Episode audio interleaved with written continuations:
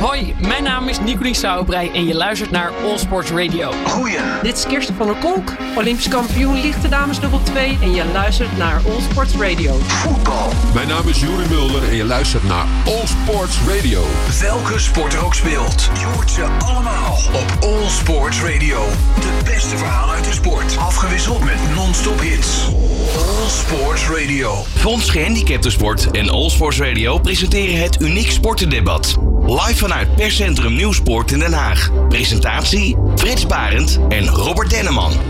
Ja, een hele goede middag. Het is eh, woensdag 16 februari, exact een maand voordat de gemeenteraadsverkiezingen losgaan. Wij zijn hier vandaag eh, vanuit eh, de Nieuwsport in Den Haag om het debat te voeren met een aantal Tweede Kamerleden en een aantal partijen over hun visie over aangepast sporten en hoe dat ook op lokaal vlak natuurlijk aangepakt moet worden. Ik ben niet in mijn eentje. Je hoorde net al even in de introductie. Frits Barend is mijn debatleider voor vandaag. En daarnaast is natuurlijk ook Nieke Boor, de directeur van Fonds Gehandicapte Sport, bij mij te gast. Zometeen gaan we vooruitblikken op wat we vanmiddag gaan doen. En verder hebben we natuurlijk ook een aantal politici te gast. Namelijk Inge van Dijk van het CDA. We hebben Michiel van Nispen van, van de SP. Jeanette van der Laan van D66. En Daan de Kort van de VVD. En dat tot aan twee uur vanmiddag dus. Het uniek sportendebat op All Sports Radio. Thuis. Tijdens je training. In de sportkantine. Of uit. Dit is All Sports Radio. En ik zei het wel even, vandaag uh, ben ik natuurlijk niet in mijn eentje. Want als ik uh, links van mij kijk, uh, zie ik zowel Nieke Boor, directeur van Fonds Gehandicapten Sport, als Frits Barend. allebei ja, een hele goede middag natuurlijk. Goedemiddag. Dankjewel, Robert. Um, ja, terug van weg geweest eigenlijk. Een jaar geleden zaten we hier, uh, zaten we hier ook. Toen voor het allereerste uniek sportendebat. Um, Nieke, met jou allereerst even terugblikkend op dat debat. Want uh, er is uiteindelijk best wel wat bewerkstelligd in, uh, in de Kamer. Ook naar aanleiding van, van dat debat. Ja, wat ik heel mooi vond, ook naar aanleiding van het debat, is dat er echt een uh, coalitie uh, is gecreëerd in de, in de sport. En in dit geval dan voor de, voor de gehandicaptensport. En het heeft ook geleid tot een, een nota die in de, in de Kamer is gepresenteerd. En, en nog veel meer, maar die nota is toch enorm belangrijk geweest. En ja, ik denk dat het zeer zinvol is geweest. Dus dat moeten we weer een, een, nieuw zetje krijgen. En dat gaan we vandaag doen. Kun je eens uitleggen hoe dat nou in zijn, in zijn gang gaat? Want nou ja, wij hebben hier vorig jaar dat debat gedaan. En dan beginnen op een gegeven moment balletjes te rollen. Ook vanuit de deelnemers die bij dat debat toen waren. Maar hoe gaat zoiets in zijn werk eigenlijk? Ja, en het debat is toen aangegeven dat er uh, eigenlijk wat meer moest gebeuren voor de gehandicaptensport. En Michiel van Nis van de SP heeft toen ook gezegd, uh, daar wil ik ook het voortouw in nemen. En uh, vanaf dat moment zijn we ook begonnen met alle issues die in de gehandicaptensport te overwinnen zijn in kaart te gaan brengen. En daar zijn een aantal andere partijen, waaronder GroenLinks en D66, aangehaakt. En daarmee is een nota gepresenteerd in de Tweede Kamer, waarmee een aantal speerpunten inzichtelijk zijn gemaakt. En een aantal, eentje waarvan bijvoorbeeld, was sporthulpmiddelen. En die is nu heel actueel. Vorig jaar al een eerste impuls gegeven. 150 sporthulpmiddelen verstrekt. Uh, maar eigenlijk moet er één loket komen. Dat was ook een van de acties in het rapport. En in juni staat dat uh, in ieder geval op de agenda weer bij de minister. En ja, dat moet er wel gaan komen. Want we zien hoeveel we daar nu hebben mee mogelijk gemaakt. En ook hoeveel belemmeringen er zijn om überhaupt naar de sportvereniging te gaan. Dus... Wat mij betreft moet dat dit jaar in, in, in, belangrijke mate zijn opgelost. Dat is ook een van die dingen waar we ons vandaag op gaan focussen. Hè? Dat het WMO-loket, de sporthulpmiddelen, uniek sporten. Ja, zeker. Kijk, als je naar Uniek Sporten kijkt, dan is uh, lokaal is enorm belangrijk. Hè. Uniek Sporten wordt feitelijk eigenlijk uh, mogelijk gemaakt uh, met behulp van alle buurtsportcoaches. zij onderhouden het systeem. Zij hebben contact met de verenigingen. En wat mij betreft moet daar nog heel veel gebeuren. Want deze mensen hebben zoveel taken en ze moeten focus krijgen wat mij betreft. Dus wat mij betreft, een aantal van deze functionarissen zouden eigenlijk gewoon specifiek aandacht moeten hebben op, op. En ik denk dat we dan vooruit kunnen komen. Want het is nu ongeveer 7 van de tijd gaat naar gehandicapsport uit.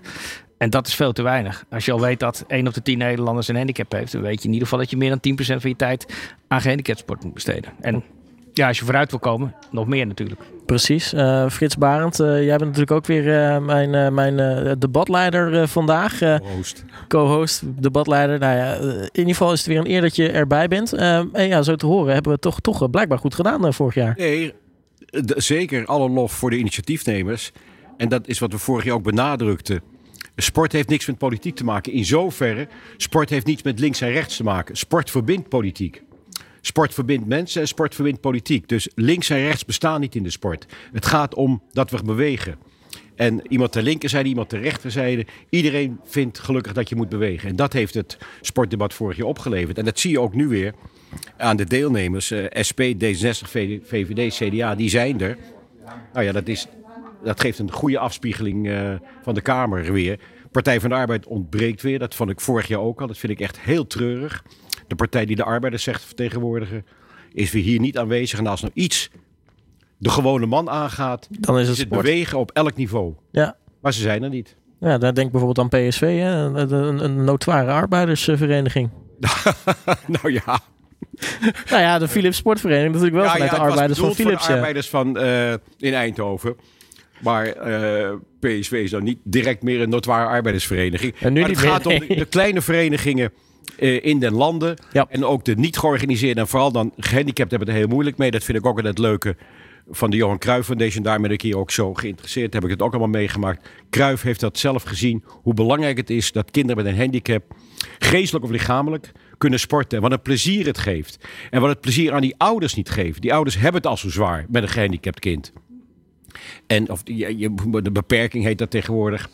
Maar je hebt het al zo zwaar. En als je dan ziet het plezier wat een kind heeft aan sporten. Dus het is een maatschappelijke plicht dat wij inderdaad die ouders en die kinderen die te maken hebben met een gehandicapte, dat we die alle mogelijkheden geven om waar dan ook te sporten. Dus dichtbij je ook. Dat je niet een uur moet rijden of een uur in een busje moet zitten.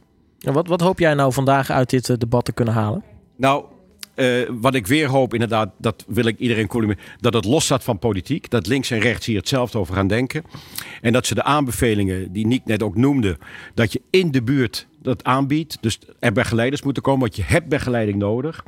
Ik heb dat gezien altijd bij de open dagen bij de Johan Cruijff Foundation. Hoe belangrijk die begeleiders zijn. Wat een plezier die begeleiders ook uitstralen. En wat een plezier die ouders en die kinderen hebben. Dus dat we inderdaad nog meer mogelijkheden bieden. En ik vind het gewoon een maatschappelijke plicht. Elk kind heeft recht om te sporten. Dus ook de gehandicapten. Net als onderwijs. Er zijn overal scholen. We stonden met iemand te praten die in een klein dorpje wonen. Daar is wel een school. En als daar al twee, drie gehandicapten wonen, moeten die twee, drie kinderen moeten de mogelijkheid hebben om te sporten. Net zoveel als die niet gehandicapten. Ja, en en ten opzichte van vorig jaar is natuurlijk die sportparticipatie nog afgenomen, ook door COVID. Dus eh, Nou ja, dat is ook verschrikkelijk. Covid heeft natuurlijk een ongelooflijke negatieve invloed gehad. Eh, mijn eigen voetbalclub gaat dicht. Maar wat dacht je nou voor al die mensen die gehandicapt zijn? Die kunnen helemaal. Ik kon nog. Wij kunnen nog op eigen initiatief naar buiten. Maar gehandicapt heeft vaak hulp nodig. Als dan de ouders werken. En dan is dat, die sportfaciliteit gesloten. Dus het is zo belangrijk, juist nu in die COVID-tijd, dat dicht bij huis er mogelijkheden zijn om te sporten. En die sportparticipatie toeneemt. En wat is jouw, nou jouw hoofddoel eigenlijk, eh, Nieke, voor, eh, voor dit debat? ja, op de korte termijn is mijn hoofddoel dat eh, in ieder geval dit jaar dat ene loket voor sporthulpmiddelen wordt gerealiseerd. Ja. En dat het geen issue meer mag zijn als je wil sporten, dat een hulpmiddel... Leg het even precies meer uit. Wat bedoel je met. Ik, bedoel, ik weet het wel, maar wat, dat luister weet, wat bedoel je met Nou, sporthulpmiddelen? het is eigenlijk op twee manieren. Dat zijn de rollende sporthulpmiddelen. De rolstoel, de tennisstoel, voor Ja. de basketbalstoel of de handbike. Hè, die worden vooral door de WMO verstrekt. En gemeentes hebben daar ja, weinig kennis van. En er wordt afgewezen op hele gekke normen. Eh, in de ene gemeente is het de hele stoel eh, wordt betaald. In de Ja. Andere gemeente is 1000 euro beschikbaar. Ja, wat kost zo'n stoel? Ja, een stoel kost toch eh, zeker 2500 euro. Maar het kan oplopen tot 5.000, 6.000 euro. En een handbike eh, gaat wel naar de 10.000 euro. En als je het over een elektrische rolstoel hebt, hè, dus eigenlijk eh, echt een hele kwetsbare groep eh, van mensen met een beperking, Ja. ja, die kosten wel 25.000 euro. Ja, en dan ja, krijg je ja. van de gemeente 1800 euro soms. Ja. Ja, daar ga je geen mensen mee in beweging krijgen. Nee. Dat is een druppel op een gloeiende plaat eigenlijk. Ja, het is, heel, het is heel gek. Of ze zeggen al, ja, je hebt al een scootmobiel gehad. Er was vorig jaar één. Eh, bij zorgverzekeraars loopt nu ook een case. En daar is een, eh, een mevrouw, hè, die, die wil een sportprothese hebben, een hardloopprothese. En dan zeggen ze van, ja, u heeft voor uw handicap ook niet gehardloopt of eh, aan hardlopen gedaan. Dus die krijgt u niet. En u heeft al een gewone prothese. Ja, je niet meer hardlopen. Dus ja, ik denk eh, heel veel onwetendheid. Wat bezielt zo'n verzekeraar dan? Ga ga je dan met die mensen in gesprek? Wat bezielt je als verzekeraar om ja, eigenlijk komma neuken? Ja.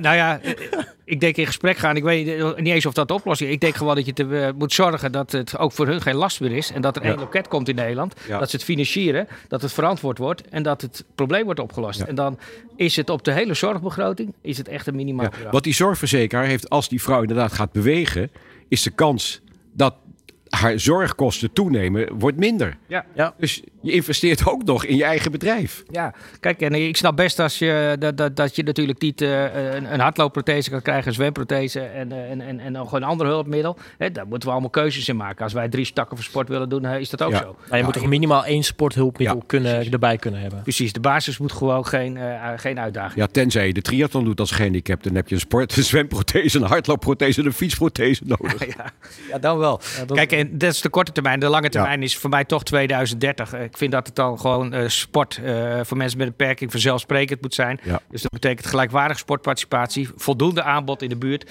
Mobiliteit mag geen probleem zijn, toegankelijkheid moet zijn opgelost. En die hulpmiddelen hebben we dan al vijf En ze jaar. stoten geen stikstof uit als ze gaan lopen. Nee, precies. Ja, want dat is het ding. Hè. Eh, nou ja, straks komt natuurlijk een van de stellingen ook nog voorbij. Maar elke euro die geïnvesteerd wordt in sport haalt in ieder geval minimaal 2,5 euro aan maatschappelijk rendement op. Ja. Maar voor aangepast sport is dat dus al 4,5 keer zoveel. Ja. En dat, is ook bij hulpmiddelen is dat. En, maar het is ook zo dus dat eh, investeren in, eh, in sport, investeren in uh, gehandicaptensport, zijn geen kosten. Dat is gewoon investeren. Dat geeft gewoon een rendement. En dan denk ik van ja, waarom gebeurt het niet als je naar de totale begroting kijkt van VWS en welk deel naar sport gaat en dan welk deel nog naar gehandicaptensport gaat? Dat is niks. minimaal. Nou, één regel in het, eh, in het regeerakkoord, één regel in sport, wat Robert Dennemo net zegt. Een 1 euro investeren in gehandicaptensport levert 4,5 euro op. Ja, Dan zou je toch als regering moeten zeggen, terwijl op alles moeten bezuinigen, jongens, laten we heel snel. een beetje bank zal er blijven worden. Een beetje bank zal er hartstikke blijven worden. Ja, want eh, even voor de, voor, voor de, de, de, de cijferfetischisten onder ons. Eh, eh, het- de totale beschikbaarheid voor, eh, vanuit het ministerie van Sport is 28 miljard, 28,5 miljard euro. Daarvan is eh, eh, 383 miljoen voor sport. En daarvan is weer 4,3 miljoen voor inclusief sporten. Dus dat is ongeveer 1,12% van de sportbegroting is dan voor inclusief sporten. Ja, dat is op landelijk niveau. Hè. In die, en, want in de sportakkoorden, lokaal zit ook eh, een deel natuurlijk voor gehandicaptensport. Maar eh, daar is niet van bekend hoeveel dat precies is. Maar op landelijk niveau, als je echt die achterstand wil inlopen, ja, dan zou je extra moeten investeren. Want anders kom je gewoon echt niet op hetzelfde niveau. Ja, en ik weet het niet precies hoe het nu na COVID is. Maar ik weet voor COVID waren er best wel heel wat gemeentes die zelfs een, een, nou ja, een financieel overschot hadden. Sterker nog, die misschien geld moesten gaan uitgeven. Omdat ze anders gewoon te veel op de bank hadden staan.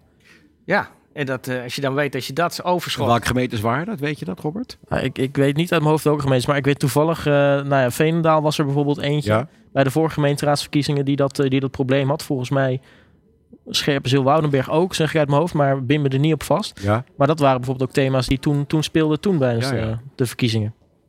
Ja, en ik denk wat dat betreft kunnen gemeenten een grote rol spelen. Onder andere ook in, in, in communicatie naar de, hè, naar de inwoners en de, gewoon eigen inwoners.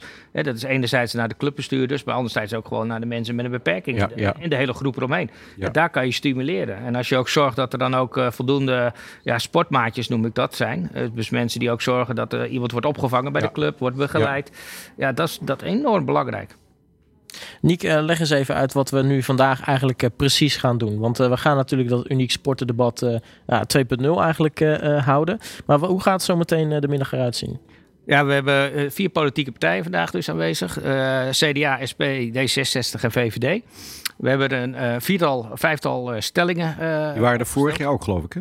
waar de Vorig jaar was GroenLinks er ook bij. Ja. GroenLinks, ja, Groen- was GroenLinks erop. Dus het zijn dezelfde partijen weer die zich dit aantrekken. Ja, CDA is er wel bijgekomen nu. Maar En, en GroenLinks had heel graag aanwezig Ja, weet ik, GroenLinks zijn. kon helaas niet. Maar Nee. ik vind het terug dat maar we hebben gewoon 20 partijen in de Kamer en dat maar vier, vijf partijen zich hiervoor inzetten. Dat vind Ja. ik zo ongelooflijk gênant eigenlijk. Dat is eigenlijk onbegrijpelijk. Ja. Als je weet hoe belangrijk het is, zeker door eh, de afgelopen twee jaar, waar we allemaal eh, erachter zijn gekomen dat eh, fitte mensen ook minder eh, eh, ziek werden van, eh, van het virus. Ja, Ja. denk je toch dat We hebben partijen als Denk en Bijeen die het over inclusiviteit hebben. Ja, Waar zijn ze? Niet hier. Nee, niet hier. dat kan dat is veilig om te stellen. Want, want hoeveel, hoeveel partijen zijn er eigenlijk die zich eh, ook echt eh, nou, sport in hun portefeuille hebben zitten... in die zin dat ze er ook echt mee bezig zijn? Want ja als je, volgens mij zijn dat ook niet alle partijen die er echt volledig mee bezig zijn. Nee, bij sommigen staat helemaal niets in, in, de, in de programma's. En als je kijkt naar de twee eh, data in het jaar die er zijn met het sportoverleg, dan zijn er zo'n zes, zeven partijen aanwezig. En dan is naast deze partijen, naast GroenLinks nog erbij, eh, is ook eh, PVV daarop actief. Eh, Hoor ik ook, ja. ja, en even denken, PvdA is daar ook wel bij aanwezig. En, eh, ja, het, maar het zijn er maar zeven of acht. En dat is, dat is toch wel heel weinig. Ja. Dat op de 20, dat is nou ja, gewoon ruim minder dan de helft. Maar ja, dat zie je ook in het regeerakkoord. Er staat ook maar één regel over sport. Dus dat zegt ook wel iets. En hoe zit dat lokaal eigenlijk? Want uh, best veel gemeenten, volgens mij op nou ja, een stuk of vier na of zo. Uh, alle gemeenten hebben natuurlijk dat lokale sport, uh, sportding ondertekend. Um, Zitten daar nou veel partijen tussen die dan bezig zijn met, met sport? Is, is dat dan op lokaal vlak wat, wat, wat actiever dat ze ermee bezig zijn? Ja, wat ik zie is dat over het algemeen sport zeker in de, voorkomt bij de, bij de gemeente. Uh, wat je ook ziet is dat gehandicapsport er ook in voorkomt. Maar als je ziet hoeveel tijd daaraan besteed kan worden uiteindelijk bijvoorbeeld door die buurtsportcoaches. Ja, dat is minimaal. En, en daar gaat het mis. Dus uh, in de plannen komt het voor. Maar als je het echt wil aanpakken, zou je echt veel meer moeten investeren in, uh, ja, in mensen, denk ik gewoon. En als we dat niet doen, ja, dan gaat die sportparticipatie nooit op gelijkwaardig niveau komen. Ja, we hebben in Amsterdam, ben ik ook lid van de Amsterdamse Sportraad. En wij uh, geven af en toe noten. Wij pushen de gemeenteraad wel en de, het gemeentebestuur wel om heel actief aan sport te denken. Bijvoorbeeld, bijvoorbeeld ik noem wat, maar dan sport in het algemeen.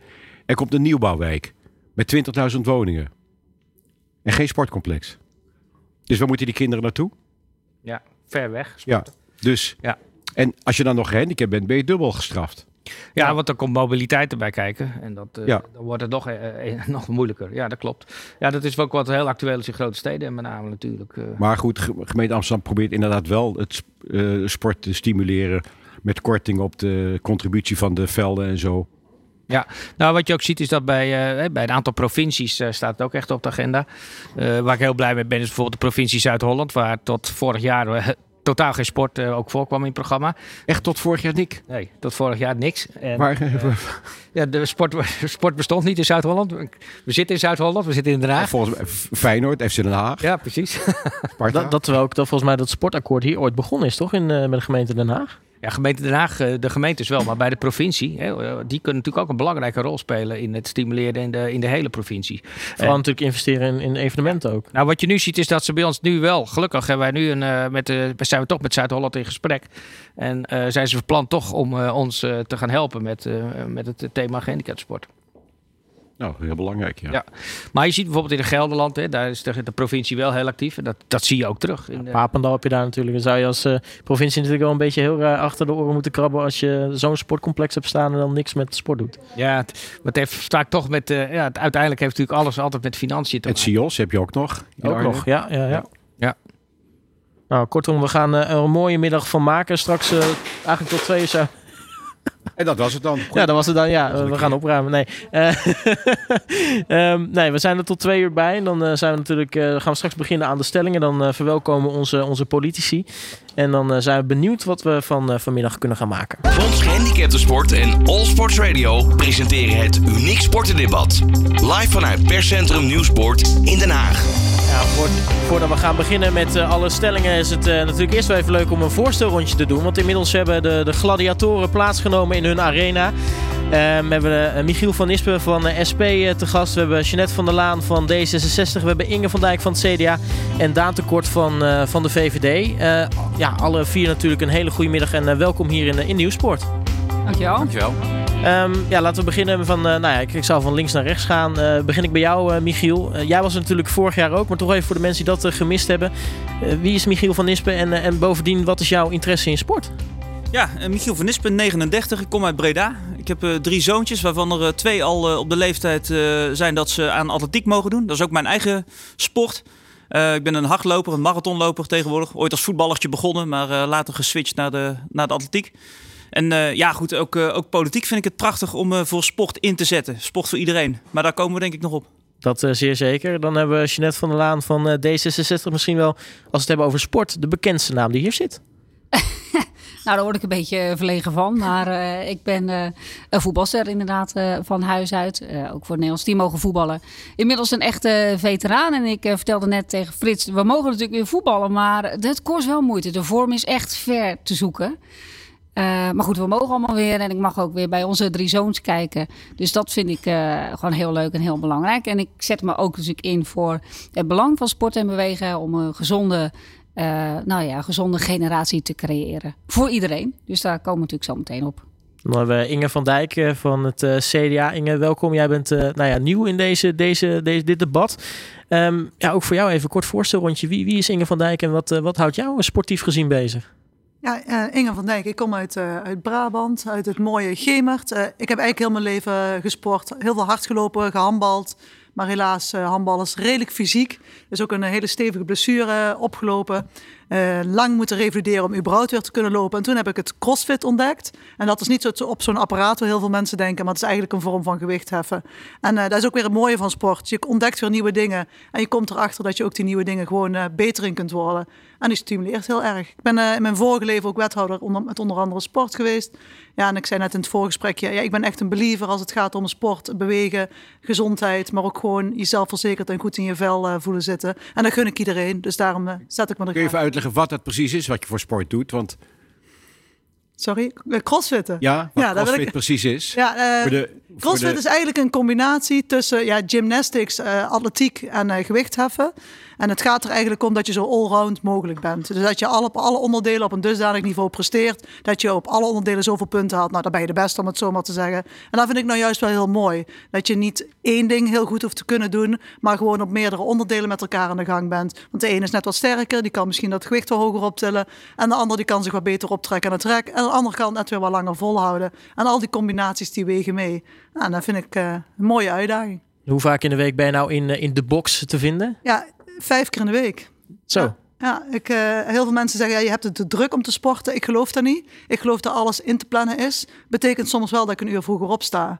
Maar ja, daar heb ik ervoor over. En hoe, wat voor dagen maak je nou? Hoeveel uur? Ja, bijvoorbeeld gisteren ben ik om zes uur vertrokken vanuit uh, Gemert. En uh, ja, ik was om half twaalf weer thuis s'avonds. Dus dat zijn wel pittige dagen. Dan uh, schiet sporten erbij in.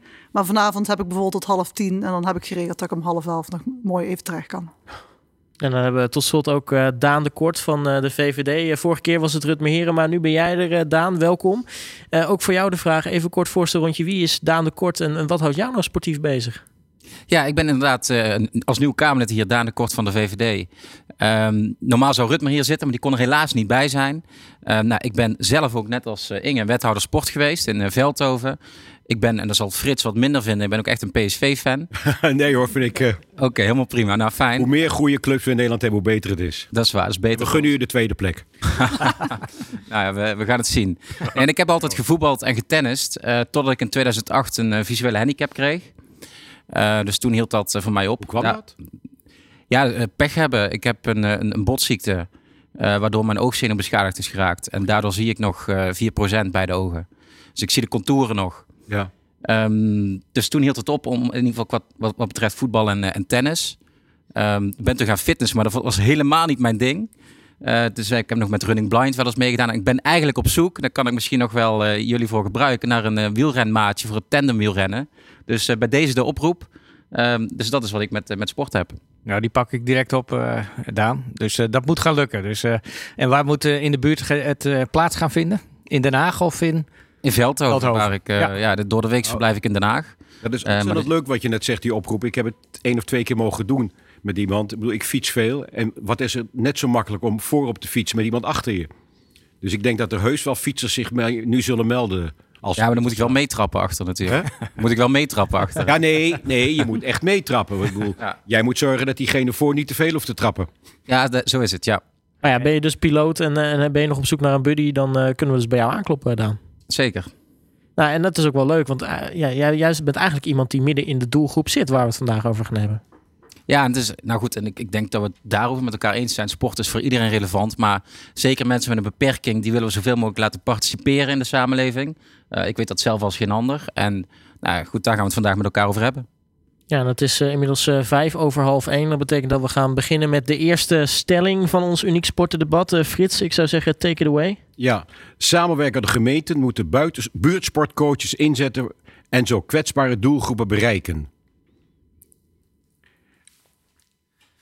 Ja, Frits, je kijkt naar mij. nou ja, omdat, ik kijk ook omdat jij er vorig jaar ook bij was. Ja.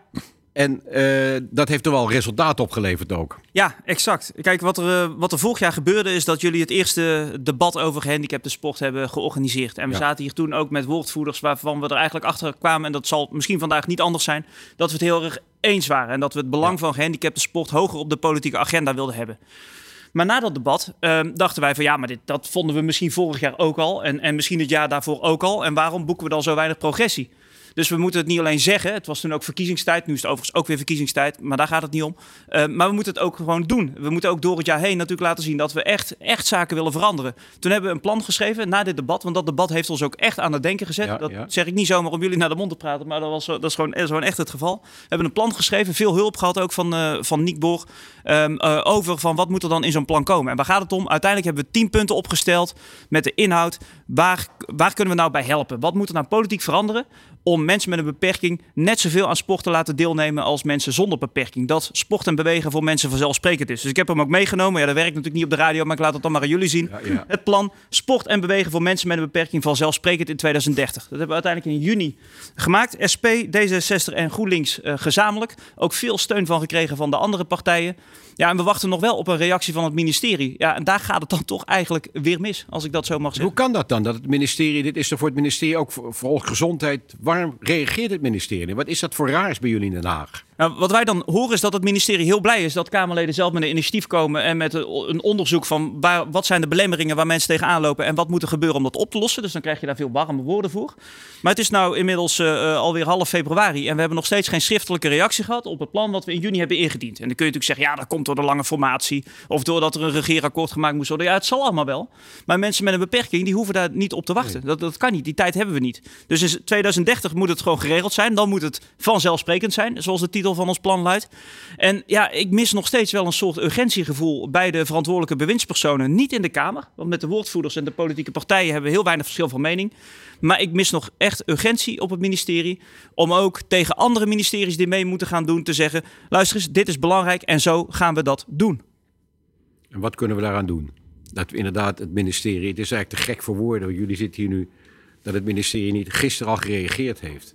Ik vind het echt shocking wat je me hier vertelt. Ja, dat, eh, dat is het ook. Eh, we hebben navraag gedaan en we krijgen deze maand, dus nog in februari, en dan eindelijk die eerste schriftelijke reactie.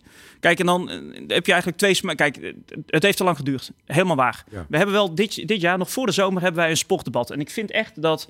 eh, nou ja, dan, eh, dan moeten er spijkers met koppen worden geslagen. Dan, dan, dan is het heel simpel. Dan gaan we dit gewoon regelen. En dan gaan we dit desnoods motie per motie, per voorstel gaan we dat indienen. En daar een Kamermeerderheid voor organiseren. Dus of er ligt eigenlijk een brief dat de minister zegt: U heeft goede. Maar je zegt een Kamermede. Dit heeft toch niks met links en rechts te maken? Iedere Kamerlid moet... Lijkt mij althans, we- als ik jullie alle vier aankijk... dat heeft toch niks met links en rechts te maken of welke partij je hoort? Nou, wat mij betreft eh, niet. Maar de, de- dit is natuurlijk ook nog helemaal niet in stemming gebracht. Maar als je het hebt over zoveel mogelijk mensen in beweging krijgen, dan denk ik dat daar... Nu aan het woord, want de kijkers thuis dat niet. Oh nee, nee. nou, dan denk ik dat er een breed eh, draagvlak eh, voor is. En ik ben het met Michiel eens dat dit nu al echt lang op zich laat wachten. Eh, dus we zijn in afwachting van eh, de brief. Ik was zelf eigenlijk ook heel trots op dit voorstel, omdat we een andere werkwijze hebben gehanteerd. Ja. We hebben natuurlijk een voorstel gelanceerd. Eh, daar hebben we heel veel input op gekregen. En dat wilden we nou juist ook verwerken van alle, allerlei partijen. Ja, dat gaat nu niet, omdat we nog wachten op een eerste reactie. Ja, ik ben wel blij. Dus één punt wel eh, opgepakt, nog niet afgerond ook overigens. Dat zijn toch de sporthulpmiddelen. Daar is, daar is echt wel, denk ik, een versnelling doorgekomen door de, door de nota. En eh, daarom vind ik vandaag het debat ook zo belangrijk. Want we gaan eh, vandaag gewoon een nieuwe slinger aan dit proces geven. Zodat we inderdaad in juni echt besluitvorming hebben. En dan zijn er ook geen excuses meer van nieuw kabinet of nieuwe minister. Of, of wat er allemaal voorbij is gekomen. Nee, er moet er gewoon gehandeld worden. Maar goed, nu de stelling. Ja, ja precies. Nou ja, het is vandaag natuurlijk ook. eh, de, de gemeenteraadsverkiezingen zijn precies over een maand. Eh, dus eh, daar is het heel belangrijk dat daar heel veel aandacht is voor gehandicaptensport. En de stelling gaat er dus om dat de buurtsportcoaches ja, specifieke en veel aandacht hebben voor de specifieke kwetsbare doelgroepen. Wat wij nu zien, is ook veel aandacht voor. Maar als je specifiek kijkt naar het thema gehandicaptensport, dan gaat 7% van de tijd van de buurtsportcoach gaat naar gehandicaptensport. Als je weet dat 1 op de 10 Nederlanders een eh, beperking heeft, ja, dan, dan zou je minimaal al 10% eh, aandacht daarvoor moeten hebben. Zouden Maar- spreken als je de, zouden er drie niet aan de beurt komen eigenlijk? daar, ja, zo kan je het ook zeggen. hulp en drie mogen afwachten. Maar als je de, de achterstand wil inlopen eh, Ja. in 2030, ja, dan moet je dus veel meer energie daarin steken. En mijn mening is, is dat de buurtsportcoach is ook voor Unique Sporten van groot belang. Zij, eh, zij zorgen dat de database wordt onderhouden. Zij zorgen al heel veel dat, eh, dat het goed wordt bijgehouden, dat mensen worden gematcht. Maar ze hebben te weinig tijd. En ik denk ook dat het eh, van groot belang is dat er eh, specifieke eh, buurtsportcoaches komen die in het dossier alleen gehandicapsport hebben. En dat kunnen dan een aantal FTE's zijn door het hele land, want daar borg je mee de kennis. Want het verloop onder buurtsportcoaches is hoog. En als je nu een aantal hebt. Ja, jong. Eh, vooral jonge, jonge afgestudeerden die toch als buurtsportcoach beginnen en daarna Ja. toch doorstromen. Ja.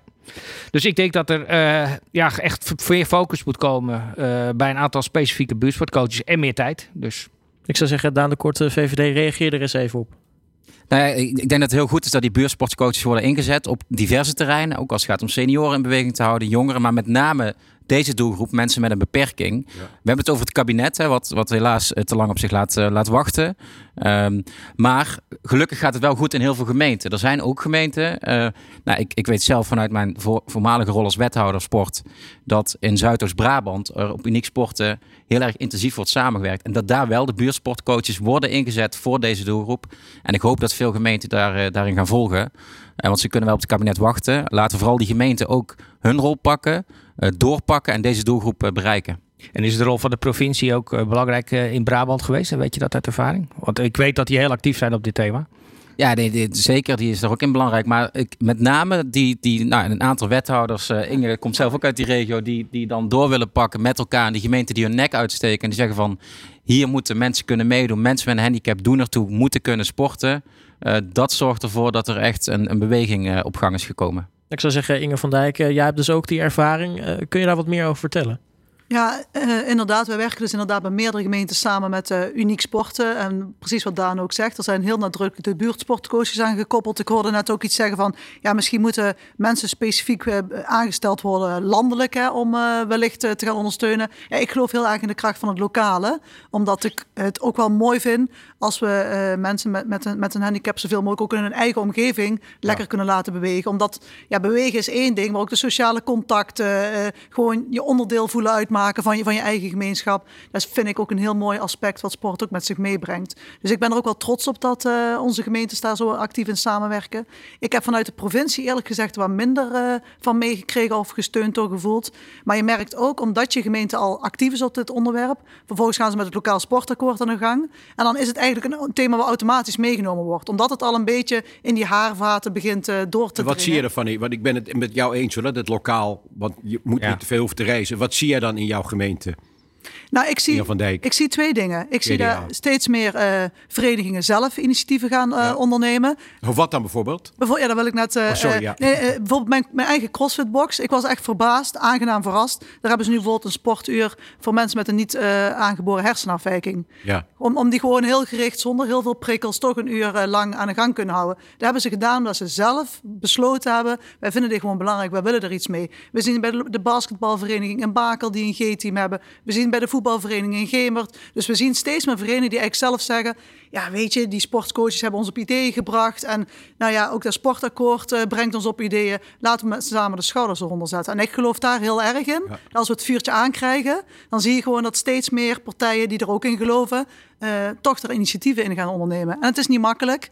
Want het En merk je nog voor de, als er een G-team is dat dan de gemeenschap of de club gevraagd wordt. Kun je ons steunen bij het, het eh, doorontwikkelen van het G-team? Want het zijn natuurlijk heel belangrijk, die G-teams bij die voetbalclubs en ook bij hockeyclubs. Ja, ik merk vooral dat het echt, echt, echt uit zichzelf komt. Een intrinsieke overtuiging van wij willen dit. Wij willen Ja. dit gewoon aanbieden. En zo ontstaat het. En vaak zijn het dan twee mensen binnen zo'n club die opstaan. Die zeggen van we gaan dat gewoon doen. En dan zie je daar langzaamaan groeien. Steeds meer mensen die erbij aanhaken. Die dat mooi vinden. Ja, en daar vind ik eigenlijk ook weer Hoeveel mensen bereik je? Heb je een idee? Ehm, ja, dat vind ik heel moeilijk, want dan moet ik mijn getallen gaan strooien. Maar eh, Uniek Sporten brengt bij ons ook van die boekjes uit. Hè, van waar kun je alle ehm, sporten, eh, aangepast sporten. Het is een flink boekwerk geworden inmiddels. Dus ik herken misschien Daan ook wel. Als je dat boekje doorloopt, dan zie je dat er heel veel verenigingen, ook waar je het niet van verwacht, die stiekem al wel dingen aanbieden.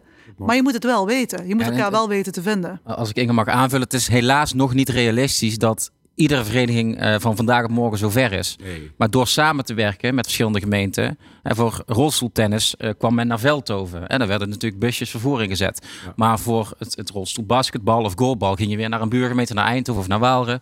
Nou, door op die manier slim samen te werken, voorzieningen te faciliteren, maar ook het vervoer te regelen, kun je een compleet aanbod voor iedereen met een beperking eh, in jouw regio bieden. Ja, nog, nou, sorry, als ik nog mag, nog, nog één aanvulling. Uh, waar we gewoon tegenaan lopen is toegankelijkheid. Toegankelijkheid van uh, sportaccommodaties. Want je kunt zoveel mooie dingen organiseren als je wilt. Als de toegankelijkheid lastig is, dan is daar al zo'n grote hobbel om uh, te ondernemen. Dus daar moeten we ook echt wel gaan nadenken bij de bouw van onze accommodaties en met de aanpassing van onze accommodaties. Als de basis niet op orde is. Kantines, kleedkamers, het veld. Überhaupt binnenkomen. binnenkomen. En natuurlijk is er steeds meer aandacht voor bij nieuwbouw. Maar ja, heel veel gemeenten hebben ook gewoon nog oude uh, uh, sporthallen, oude zalen.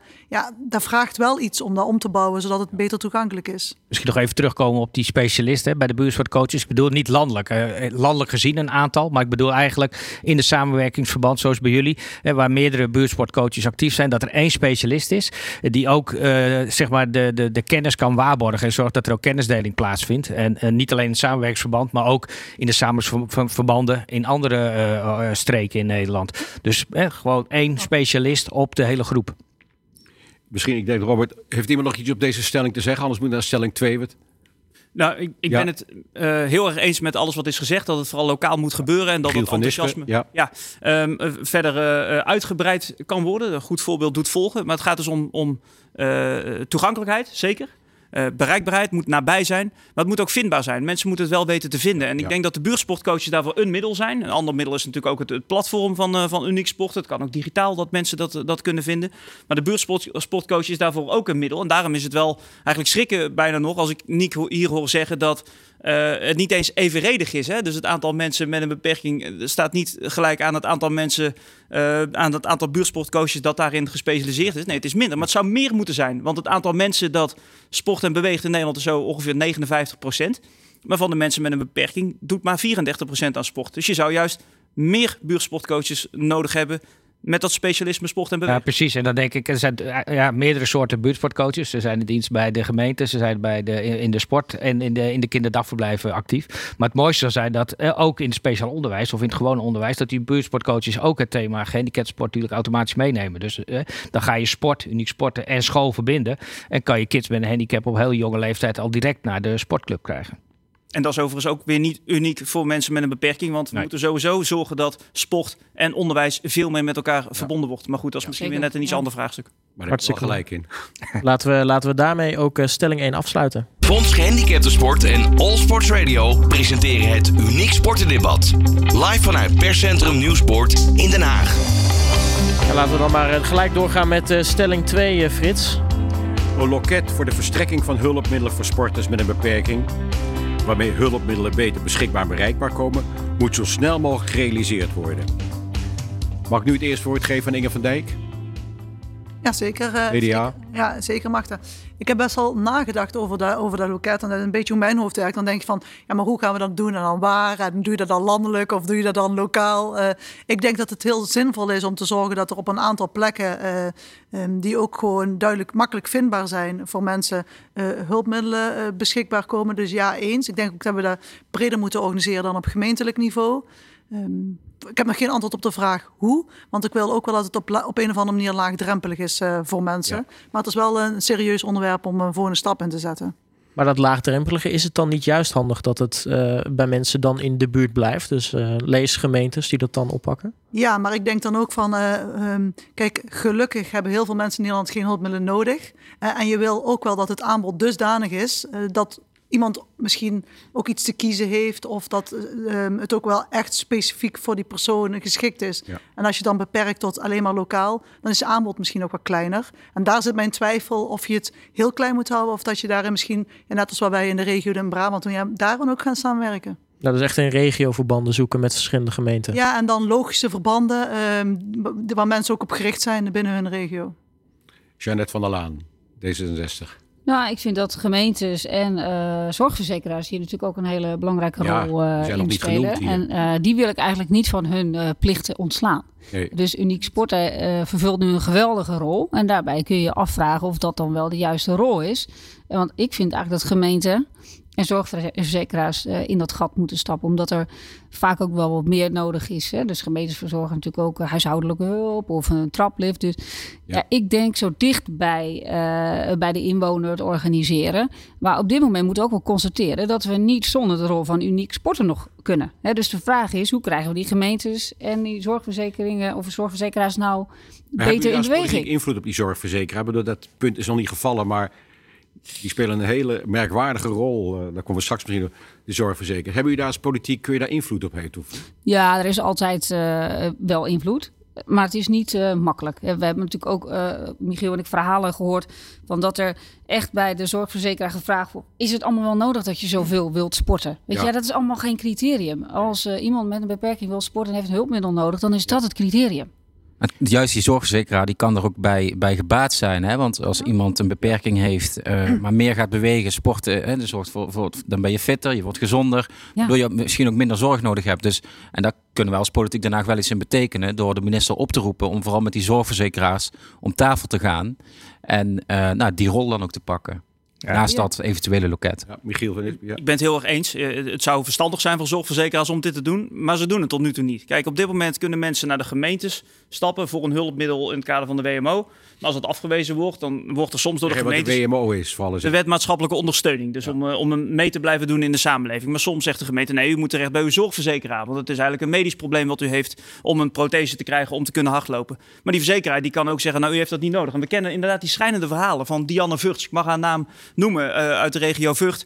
Die dus inderdaad uh, een, nu een strijd aan het leveren is. Echt een juridische strijd aan het leveren is. Tegen haar zorgverzekeraar. Omdat die zorgverzekeraar zegt: ja, u kunt niet aantonen dat u uh, voor uw beenamputatie ook al aan het hardlopen was. Dus, en, en dat slaat zo nergens op. Het maakt, het je maakt moet dan even, zo kwaad. Even de kwestie dan toch even goed verklaren. Want, bedoel, zij is een beenamputatie, wilde een prothese. Legt even precies uit ja, haar been uh, moest geamputeerd worden. Vervolgens wil zij gaan sporten. Nou, dan, kun je een, uh, dan heb je dan een beenprothese voor nodig. En we kennen dat ook wel van de, uh, de, de, de, blades van de, van de Paralympische Spelen. Um, dus zij dient zo'n verzoek in, wat inderdaad verstandig is. Want zij wil graag in beweging blijven, wat gezond is voor iedereen. En, en, natuurlijk zeker ook voor mensen met een beperking. En dan zegt die verzekeraar, die durft het gewoon om te zeggen... u kunt niet aantonen dat u voor uw amputatie ook al aan het hardlopen was. En daarom wijzen we dit af. Het is gewoon een ordinaire centenkwestie. En dit maakt mij zo ongelooflijk kwaad. Sowieso dat gemeentes en verzekeraars naar elkaar aan het wijzen zijn, waardoor de sporter met een beperking eigenlijk tussen wal en het schip valt. Het is gewoon een bureaucratische kwestie die uiteindelijk gaat om geld.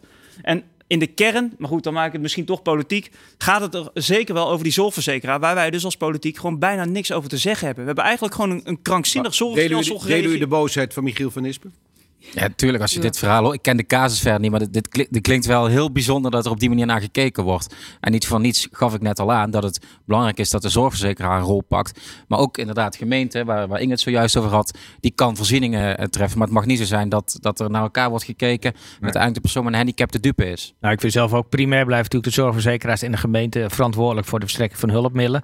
Uh, wat ik denk, wat kan helpen, is dat ene loket, is dat je daar de kennis verzamelt. En zorgt dat je eigenlijk een, een dienstverlening wordt voor gemeentes en zorgverzekeraars. Waarbij de gemeente per inwoner bedrag X afstaat aan het Speciaal Fonds voor Hulpmiddelen. Dat doet de zorgverzekeraar ook. Zijn we van de hele discussie af. Aan het eind van het jaar wordt het keurig afgerekend. Je zegt dus een soort gemeentebelasting.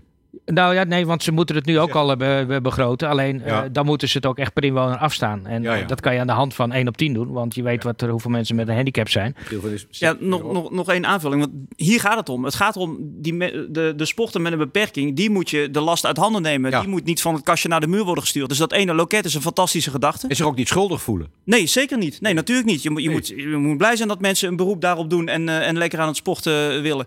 Dus die moeten zich niet schuldig voelen. Die moeten bij dat ene loket terecht kunnen. Maar het is inderdaad zoals Janet zegt, betalen we nu als Rijksoverheid betalen we daaraan mee. Nou, dat is prima dat we dat doen. Maar het is eigenlijk heel raar dat verzekeraars en gemeentes die daarvoor verantwoordelijk zijn, dat die dat nu op dit moment op de Rijksoverheid afschuiven. Dus zolang wij ons zorgverze zorgverzekeringssysteem zo raar geregeld hebben zoals we dat nu hebben, de SP wil daarvan af, hè, van al die verzekeraars, naar een nationaal zorgstelsel. Ja. Maar zolang we dat niet hebben, moeten we van de verzekeraars eisen dat ze bijlappen. Dat ze dus meebetalen aan dat ja. fonds. En, en, het gekke is, is dat, uh, of het mooie is, dat uh, investeren in sporthulpmiddelen is, is, is aangetoond dat dat 4,5 keer of 4,5 euro rendement oplevert per geïnvesteerde euro. Dus dat is gewoon maatschappelijk rendement. Dus ook zorgverzekeraars moet dat als, uh, als muziek in de orde klinken. En, en dat maakt het ook zo, zo vreemd dat het niet wordt opgepakt. En uh, ik denk ook wat wel kan helpen, ook voor de kwaliteit van verstrekking, is ook uh, de landelijke uitleen. En dat betekent dat je ook een loket hebt waar je hulpmiddel kan lenen. een, maximaal een half jaar gebruik kan maken. Ook dat je het juiste hulpmiddel kiest. Dus door één loket te creëren, zorg je ook dat de kwaliteit beter wordt. En dat mensen juiste keuzes maken. En dat een hulpmiddel niet in de, in de garage komt te staan. Omdat dat is een openbare bibliotheek eigenlijk. Boeken ja. nu kun je ook hulpmiddelen lenen. Ja, want dan ga je handbiken en, en dan kom je er niet achter dat je de rolstoeltennis leuker vindt. Het lijkt me een fantastisch idee, of niet? Of is dat, uh, zeg ik hier iets geks? Nou, je zegt zeker niet iets geks. Ik, ik weet alleen niet of ik overtuigd van ben Laan, van, D66. Uh, ja, ik, van ik één twee, want kijk, ja. luister thuis weet niet wie spreekt. Jeanette van Laan, D66. Ja.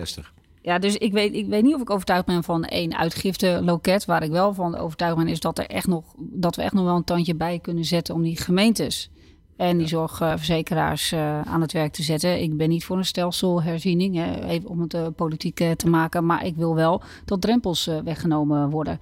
En we constateren ook dat gemeentes een beetje zoekende zijn in regelgeving. En in ons plan, waar Michiel het net over had, hebben we ook wel opgenomen dat we ook wel een loket zien wat voor gemeentes bijvoorbeeld beschikbaar is om daar informatie op te vragen. Ja. Uh, dus dat vind ik wel heel belangrijk. Ja, kijk, uiteindelijk moet gewoon structureel geregeld worden. En de sporten met een beperking mag daar geen, geen, geen belemmering in hebben. Nee. En, en daarom vind ik dat ene loket en ook hoe Uniek Sporten doet. Het probleem wordt nu op korte termijn direct opgelost. En daarmee krijgt de politiek en, en alle andere partijen die betrokken zijn de ruimte om tot een oplossing te komen zonder dat de sporters aan de zijlijn blijven staan. Ja. Maar is dat dan dus niet eigenlijk gewoon de oplossing? Eigenlijk uniek sporten zou dan die rol kunnen uh, dienen, zoals jij zegt, uh, Jeannette, van uh, de plek waar gemeentes hun informatie op kunnen halen. Zij zijn eigenlijk de, de, de, de experts daarin. nou ja, dan heb je dus een loket bij de gemeente zelf die daar verder mee aan de slag kunnen. En vanuit de landelijke politiek kan er misschien invloed uitgeoefend worden op zorgverzekering. Dat zij misschien iets, iets normaler gaan doen.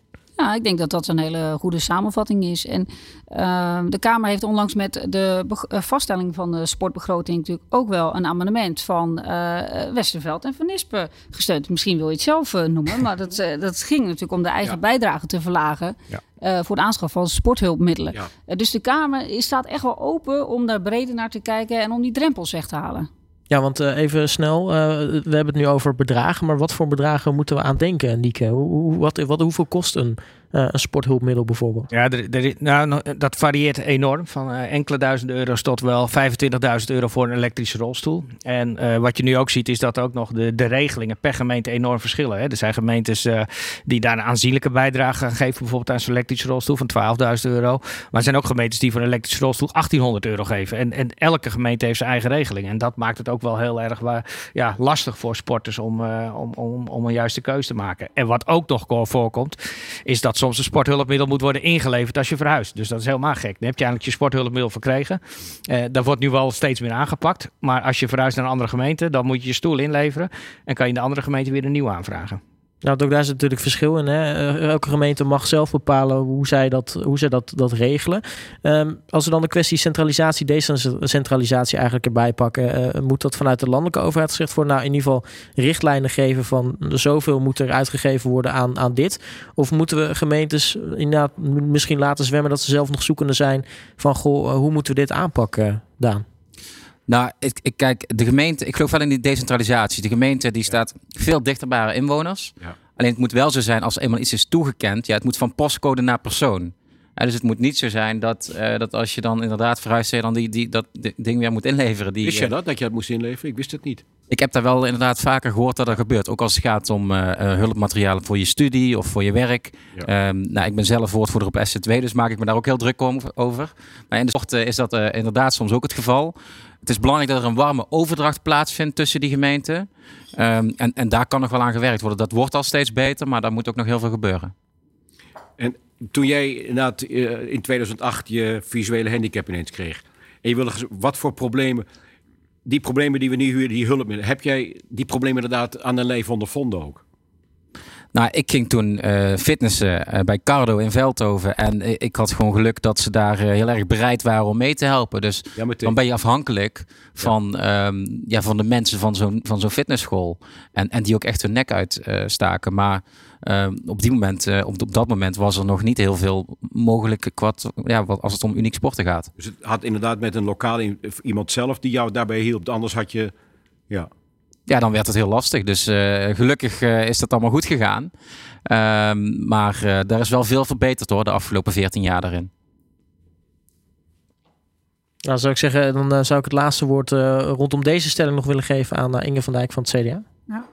Nou ja, ik wil eigenlijk ook wel een lans breken voor gemeentes. Want ja, ik vind ook dat gemeentes daar uh, nog een grotere stap in kunnen zetten. Maar ik zie ook wel de worsteling die ze ook financieel hebben. Ze moeten iedere keer keuzes maken uit weinig. Um, dus ik denk als we hier echt een stap in willen zetten, dan moeten we gemeentes ook voldoende financieel faciliteren, zodat ze die stap ook kunnen zetten. Want ik heb, tenminste, ik heb weinig onwil ervaren, maar af en toe wel een beetje wanhoop van hoe gaan we al die ballen nou de lucht in, in houden en hoe kunnen we nou voor iedereen goed doen. Dus ik, ik ben er echt van overtuigd dat heel veel gemeentes bereid zijn om die grote stap te zetten. Maar ik denk dat we ze wel als Rijksoverheid een beetje moeten gaan helpen. En dat begint toch ook wel een beetje met financiën. Dus het ontbreekt heel raar als je dan verhuist dat je dan het moet inleveren. Ik bedoel, ik zou zeggen, jij bent, ik bedoel, je bent met een meisje uit Helmond of met een man uit Helmond getrouwd. Je mag het, moet jij je man inleveren? Soms is dat misschien wel een Maar ik bedoel, zo klinkt het bijna. Nee, maar dat is bizar. En, en ik, denk, um, ik denk dat sommige regels ook ooit bedacht zijn met een, een goede intentie, die in de praktijk wat uh, ongelukkig uitpakken. Ja. Uh, en zo'n accessie moet je gewoon aanpakken met elkaar. Dan moet je gewoon elkaar diep in de ogen kijken en zeggen: mensen, kom op, dit kan toch niet de bedoeling zijn? Dit gaan we oplossen met elkaar. Dus die houding moet er zijn. Maar we moeten ook zorgen dat gemeentes um, ook iets ontspannender keuzes kunnen maken. Door als we weer een taak overdragen en zeggen van goh, jullie moeten echt een stap gaan zetten daarin, zorg dat ze het ook kunnen gaan zetten. Dus eigenlijk, uh, ze willen wel, maar het ontbreekt ze misschien nog gewoon aan financiën en kennis. Ja, denk ik ook. Want, want um, um, gewone WMO-hulpmiddelen, die komen natuurlijk elke dag heel vaak langs. Ja. ja. dit is specifieker. Ik kan me best voorstellen dat een medewerker dan toch even denkt van, oh, hoe ga ik het aanpakken? En dan kan Uniek Sports misschien wel Je bent ook afhankelijk van lokale flexibiliteit van de ambtenaren, denk ik. Ja, en ook, en, en, ik kan, kijk, ik bedoel, uh, ik probeer altijd me voorstellen hoe gaat zoiets. Je krijgt een telefoontje, je hebt dat nog nooit in de hand gehad. Ja, dan kan ik me zeker bij wat kleinere gemeentes best voorstellen, als je ook geen collega's hebt om daar echt over te sparren. Ja, hoe ga ik dat nou op een goede manier ja. oplossen? Kijk. Nou ja, en dan zijn, uh, is een centraal loket waar je terecht kunt wel erg hulpvol. Maar sport moet in de basis gewoon eerlijk zijn. En, en, en de verstrekking van hulpmiddelen, sporthulpmiddelen, is nog oneerlijk. En dat oneerlijke zit er ook nog in, los toch van of het wordt verstrekt en hoe. Is dat ook nog in de gemeente A krijg je 1000 euro voor je hulpmiddel en in, in, in, in B krijg je 2000. Dat, dat, dat, dat, dat moet gewoon gelijk getrokken worden. Van Nispen, jou nog wat zeggen? Ik denk dat het heel erg klopt dat gemeentes op dit moment te weinig geld hebben. En dat ze zo'n aanvraag ook niet heel vaak langs zien komen. Dus daar ben ik het echt mee eens. Maar met verzekeraars, de zorgverzekeraars, hebben, hoeven we echt minder medelijden te hebben. Die hebben echt centen zat. Die moeten dit gewoon ook doen. We betalen we ook allemaal premie voor. Dus dat is echt een kwestie van de zeggenschap van ons allemaal opeisen bij die verzekeraars. En hen ook gewoon zo nodig dwingend voorschrijven wat er uiteindelijk moet gebeuren. En dat heb ik begrepen, dat het met name het allokeren van specifiek gelden voor sporthulpmiddelen, dat dat lastig is op dit moment. Ja, maar dan gaan we dat gewoon mogelijk maken. Ja. Ik bedoel, daar, daar, daar, moet, daar moet een oplossing voor te vinden zijn. We kunnen niet zeggen van ja, we hebben dit nou eenmaal ooit zo, zo uh, uh, via de logica van de markt georganiseerd. Dus dat moet tot in lengte der dagen zo blijven. Dat is echt, dat is echt geen optie. Delen ja. u dat met uh, de aanwezigen aan tafel hier? Ja, deel ik wel. Ja, D66, CDA. Nou ja, goed, het, het probleem betrekking tot zorg... Nee, deel je het, ja of nee? Ja, maar ik wil nog even een punt extra maken. We zien het ook bijvoorbeeld met huisartsendiscussie. Het is, het is altijd dat we daar toch wel vastlopen. Dus we moeten daar wel gewoon een grotere vuist maken. Nou, ik weet zeker dat dat... Deel je het? Ja, nee, zeker. De zorgverzekeraar kan een, een grotere rol pakken. Dat ja. had ik net ook al aangegeven. En daar kunnen wij in, in, vanuit de Kamer toe, toe oproepen. Ja, ik weet zeker dat als er hier wordt gezegd, dat hebben ze de vorige keer wel bewezen, daar gaan we iets aan doen, dan gaat het ook wel gebeuren. Uh, ik zou zeggen, laten wij nog even uh, met z'n allen wat uh, drinken, even de stem weer op orde brengen en dan gaan we zo meteen verder met de tweede helft van het Uniek Sportendebat. Fonds Gehandicaptensport en All Sports Radio presenteren het Uniek Sportendebat. Live vanuit Perscentrum Nieuwsport in Den Haag. Zijn uh, halverwege de vier stellingen die we gaan behandelen tijdens dit uh, uniek sportendebat. Mocht je net inschakelen, we zijn hier live vanuit de Nieuwsport in Den Haag.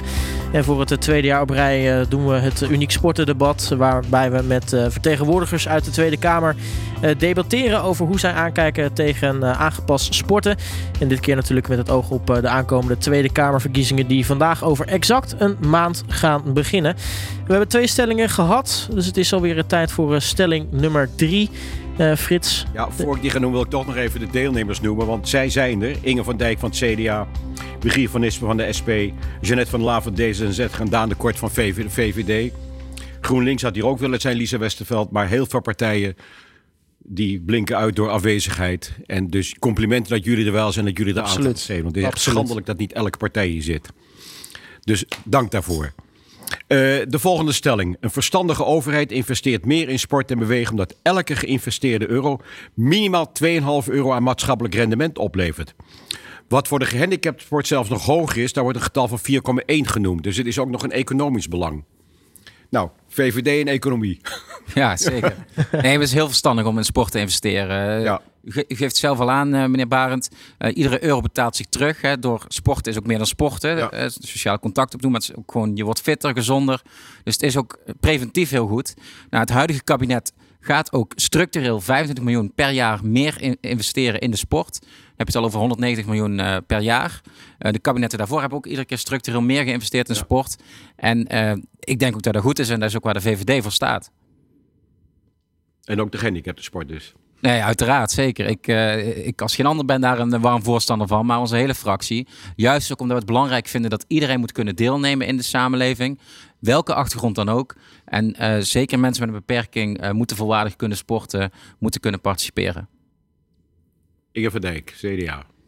Ja, ik vind het heel fijn dat het zichzelf terugverdient. Maar eigenlijk, zal ik heel eerlijk zijn, boeit het me iets minder. Um, ik geloof dat het. Je helemaal gelijk eigenlijk, maar het is wel een ah, nee, ik snap het. handig argument. Ja. je hebt helemaal ja, gelijk. Ja, maar ik zat te denken van ja, is, is beter in je veld zitten en geld uit te drukken. Nee. Volgens mij is het helemaal niet in geld uit te drukken. En volgens mij zijn we met z'n allen zo ervan overtuigd uh, dat we dit gewoon moeten willen met elkaar. Ja. Dus wat dat betreft, het is een fijn argument om ook te kunnen gebruiken. Maar ik denk, zoals wij hier bij elkaar zitten en zoals ik ja, mijn collega's die op sport zitten een beetje heb leren kennen, uh, is de intrinsieke overtuiging dat we het gewoon moeten willen groter.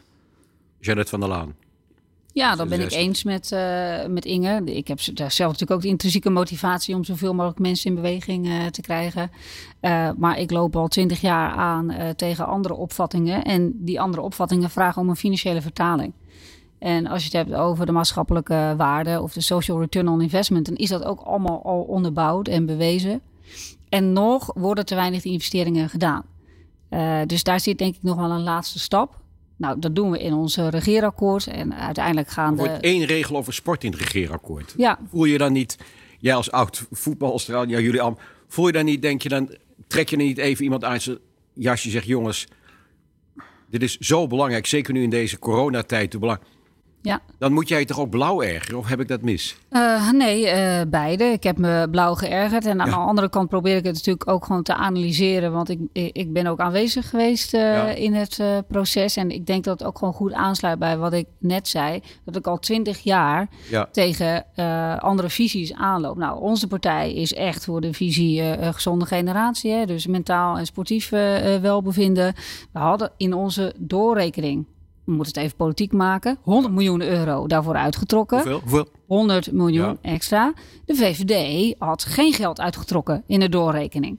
Ja, CDA wel 100 miljoen ook voor uh, sport en vereniging. Dus dan, je hebt verschillende uitgangspunten aan die onderhandelingstafel. Als je het dan hebt over het aantal woorden, ja, dat is in mijn overtuiging veel te weinig. Maar ik zie wel aanknopingspunten dat er nu echt wel het besef gaat komen uh, dat we sport in moeten zetten om een gezonde leefstijl uh, te bevorderen. Maar daar is de Kamer, of zeker deze mensen, zijn daarin hard nodig. Ja, Daan de Kort, ik hoor dus de VVD, die had dus daar geen extra geld voor aangetrokken. Erger jij je dan binnen de partij daar dan ook aan? Nou ja, zo, zoals ik net al aangaf, uh, alle kabinetten onder Rutte, uh, waar de VVD natuurlijk uh, dus een, een, belangrijke rol in speelt, heeft meer geld uitgetrokken voor sport. En ook dit kabinet trekt daar weer meer geld voor uit. dat is ook goed, daar maak ik me hard voor. Met name mijn collega Rutmer Herema, onze woordvoerder sport, maakt zich er al jaren heel erg hard voor. Rutmer, kan ik bevestigen, is daar heel erg mee bezig. Ja. En, en dus de, daar kunnen we ons op vinden. En ook de VVD vindt, zoals ik al eerder vandaag aangaf, die sport heel belangrijk. En zeker ook voor deze kwetsbare doelgroep. En daardoor ook vaak een hele krachtige doelgroep. Hè? Omdat ze iedere dag te maken hebben met een beperking en iedere dag iets overwinnen. Hoe komt dan wat eh Jeannette net zegt dat het VVD daar eh, problemen over maakt, over die investering? Ja, we maken daar zeker problemen over. Zoals ik al zei, Rutmer eh, die is daar eh, eh, ja, eigenlijk dagelijks mee bezig, eh, ook in de weekenden. Ehm, en al die kabinetten Rutte hebben ook gewoon structureel meer geld uitgegeven aan de sport. Eh, en, en die lijn die, die, die willen we ook doorzetten.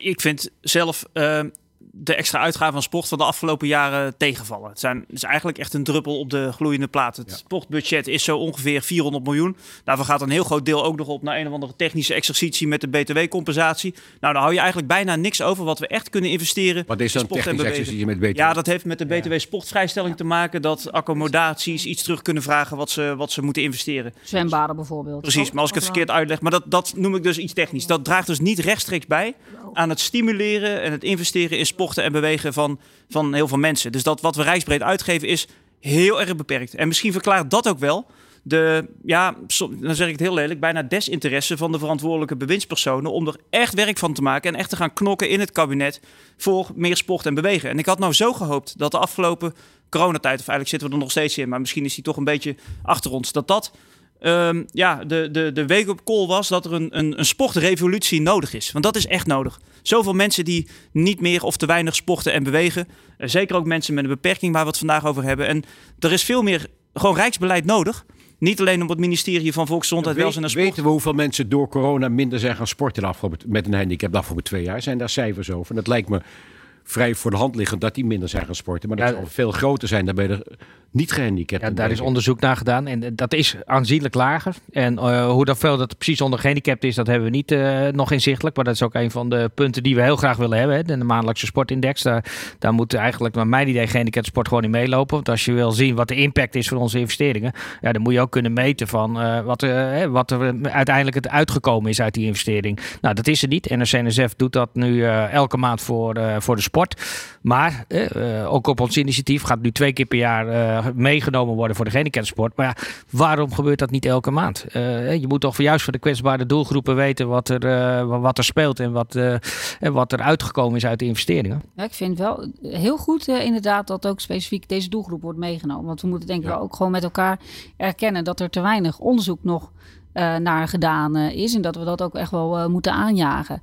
Ik heb lopen grasduinen in het loket gezond leven. Want ja, ik ben van bewezen interventies zoveel mogelijk inzetten. En als je het dan hebt over stimuleren van sport en bewegen, dan zie je dus echt wel dat de doelgroep mensen met een beperking nog te weinig genoemd worden in die bewezen interventies. Wel bijvoorbeeld een goed voorbeeld is van Sport Heroes. Dat ze eh, binnen het speciaal onderwijs veel meer leerlingen in beweging willen krijgen. Nou ja, dat soort voorbeelden, ook de voorbeelden die Inge noemde, die zou ik heel graag in dat loket terugzien, want dat wordt goed gemonitord. Dan staat er goed onderbouwd en effectief bewezen. En volgens mij hebben we dan ook dan echt gegevens in de hand dat we kunnen zeggen, stuur daar nou op. Ja, helemaal eens. Heel belangrijk dat je zeker voor eh, in, in de gehandicaptensport dat je speciaal onderwijs echt betrekt en gaat verbinden met uniek sporten. Want dan maak je echt op de, eh, bij de kinderen al direct de verbinding naar de, naar de, naar de sport. Naar de, het liefst naar de georganiseerde sport. Hè, want dat betekent ook dat ze gaan deelnemen en gaan meedoen. Ook aan een stukje sociale leven. Ja, natuurlijk individueel sporten kan ook. Maar ik denk zeker voor kinderen dat het heel belangrijk is dat ze ook gaan participeren in de vereniging. Mag ik nog één voorbeeld eh, geven? We hebben bijvoorbeeld ook een voorstel gedaan. Een van de voorstellen ook uit het, eh, uit het plan is dat eigenlijk alle speeltuinen in Nederland eh, toegankelijk moeten worden voor kinderen met een beperking. Ja. Super simpel en volgens mij ook heel sympathiek. Daar kan eigenlijk niemand op tegen zijn. Maar het kost wel geld om dat aan te jagen. Dan gaat het om een paar ton. Nou, dan zeg je een paar ton, dat is een hoop geld. Maar op de Rijksbegroting is dat natuurlijk een, eh, een, een schijntje. En er ligt al een goed plan. Jantje Beton is daar onder andere bij betrokken. En eh, Stichting Het Gehandicapte Kind. Die hebben daar een plan voor gemaakt. Maar dan heb je toch een soort aanjaagsubsidie voor nodig. Omdat ja, je moet die gemeentes wel in beweging brengen. Maar zo'n plan krijgt dan vervolgens geen meerderheid in de Kamer. Omdat ik er niet in slaag. Een financiële dekking. Daar, dus waar moeten we het precies van betalen? En ik weet Wie wel... dan- Wie hebben er dan niet gesteund, dat plan? Nou ja, goed, weet je, het, was niet mijn bedoeling om hier nou te gaan zwarte pieten. Want ik snap wel, uiteindelijk moet het rond zijn. Dus je kunt mij verwijten dat ik er niet in slaag een financiële dekking te vinden voor die paar ton. eh, hoe, hoe, hoe klein dat bedrag ook is. Ehm, maar het lukt gewoon bijna niet om op de sportbegroting geld te vinden, omdat die zo laag is. En elke keer als je dan zegt van ja, dan, eh, dan halen we het weg bij een ander ministerie, dan begint er weer iemand anders te piepen. Dus ik bedoel het niet flauw. Maar het is ongelooflijk ingewikkeld om vanuit de Kamer die stappen te zetten die we wel zouden willen. Dus ik, bedoel, ik wil niet pessimistisch klinken. We hebben dit plan. We gaan met elkaar nog meer voorstellen maken. Maar als het hier steeds op blijft hangen, van ja, je dient een voorstel in, dat kost geld, dan moet je een dekking vinden binnen de sportbegroting. Ja, dan wordt het ingewikkeld om met elkaar een vuist te maken en de minister tot actie te dwingen. Oké, dan hebben we dus een beetje het pijnpunt te pakken. Hè? Eh, Er is dus eigenlijk eh, nou ja, een, een te kleine begroting. Eh, dat moet dus eigenlijk meer worden. Als we daar nou kijken naar een oplossing. Hè? Want hoe, hoe zorgt sport dan in dit geval ervoor dat er nou ja, misschien op, op de duur meer geld beschikbaar komt? Eh, Inge van Dijk. Nou ja, ik ben heel blij dat er echt veel geld is opgenomen voor onderzoek naar een aantal grote volksziektes. En waarom ben ik er blij Nou, om? nou, wat, sorry, sorry. Naar, Er is nu fors geld opgenomen om te onderzoeken naar een aantal eh, grote volksziektes. Hè? Obesitas onder andere. Oh, ja, ik ja, ben ervan overtuigd dat een van de resultaten uit het onderzoek gaat worden...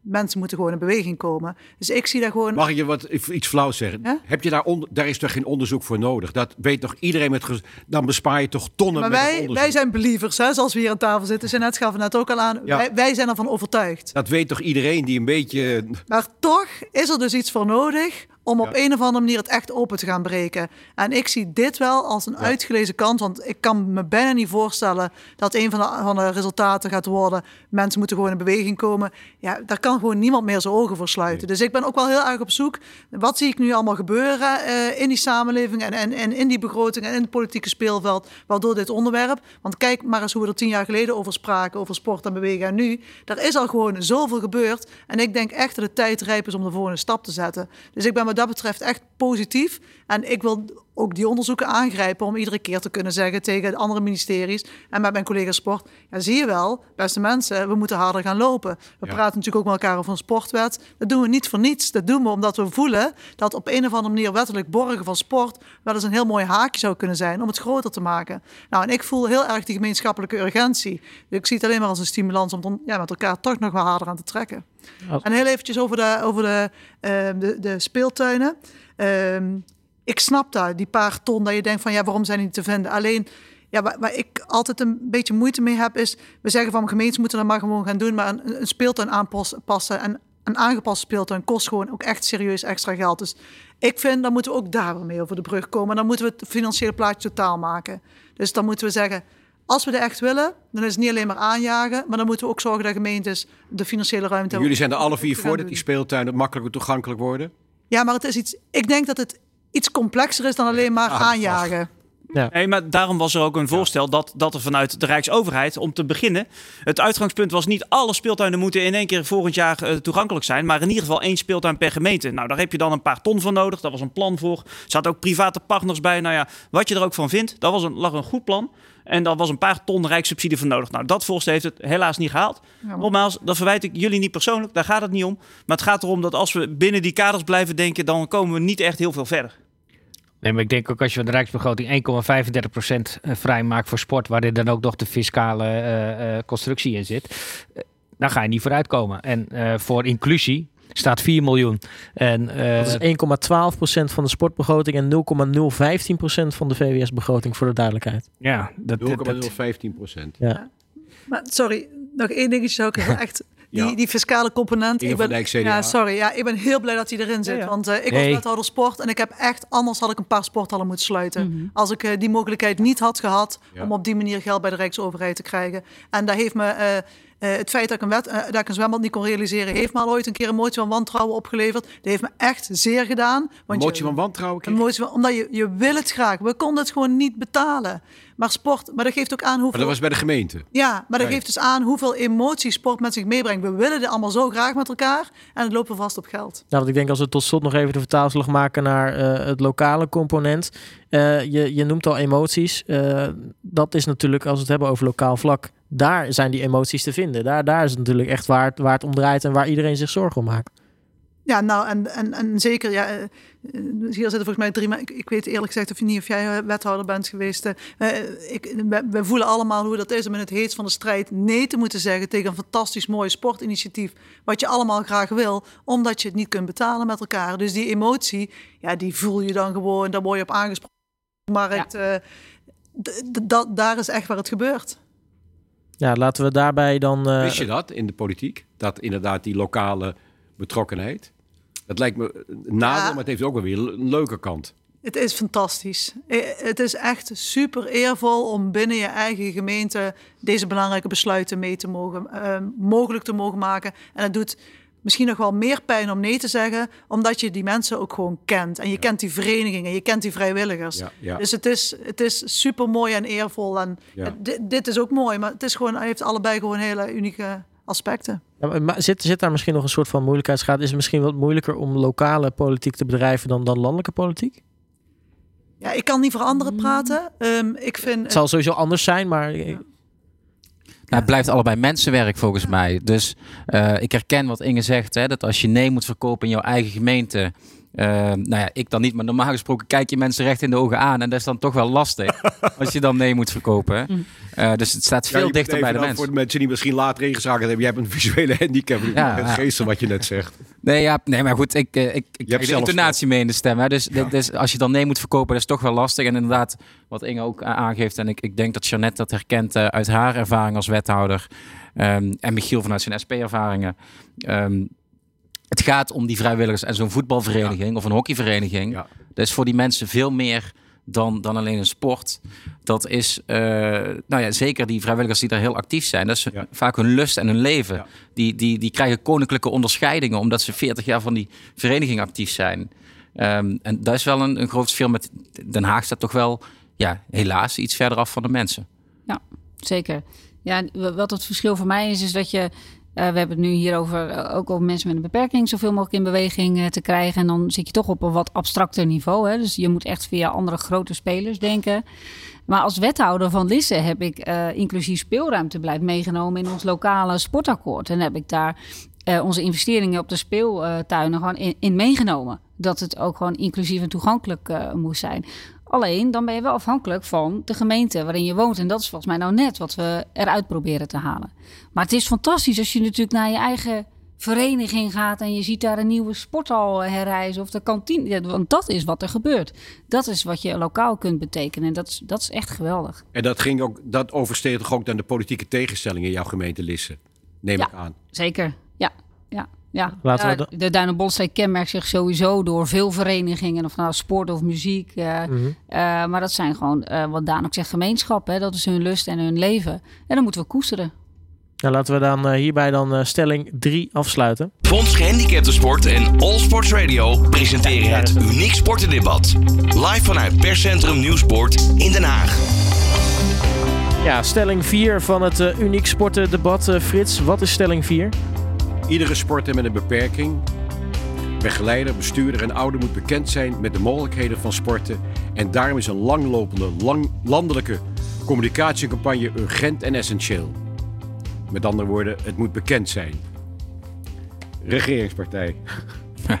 Daan. Nou ja, volgens mij kun je het daar niet over oneens zijn. Het moet bekend zijn. Alleen ik vraag me af of dan een landelijke campagne het middel is. Hè.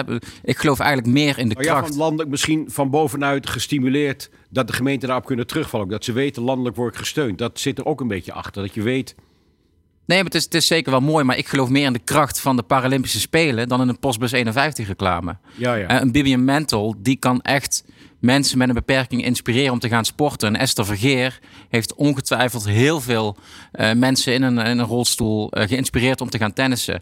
Dus ik geloof daar nog veel meer in dan dat wij hier met elkaar een hele strakke campagne gaan bedenken. Wat ook heel goed is. Maar ik denk dat we vooral die Paralympische Spelen, eh, maar ook gewoon nou ja, topsport voor mensen met een beperking zichtbaar moeten laten zijn. Want dat is volgens mij echt inspirerend. Nou, kijk, waar die staat. Kijk, op dit moment heeft uh, Uniek Sporter zo'n uh, 4 tot 500.000 unieke bezoekers per jaar. Van die uh, 400, 500.000 bezoekers gaat 8% op zoek echt naar sport. Hè. Dat zijn, hè, er komen professionals, ouders en sporters. Dus we maken een, voor 50.000 mensen zeg maar een, een match.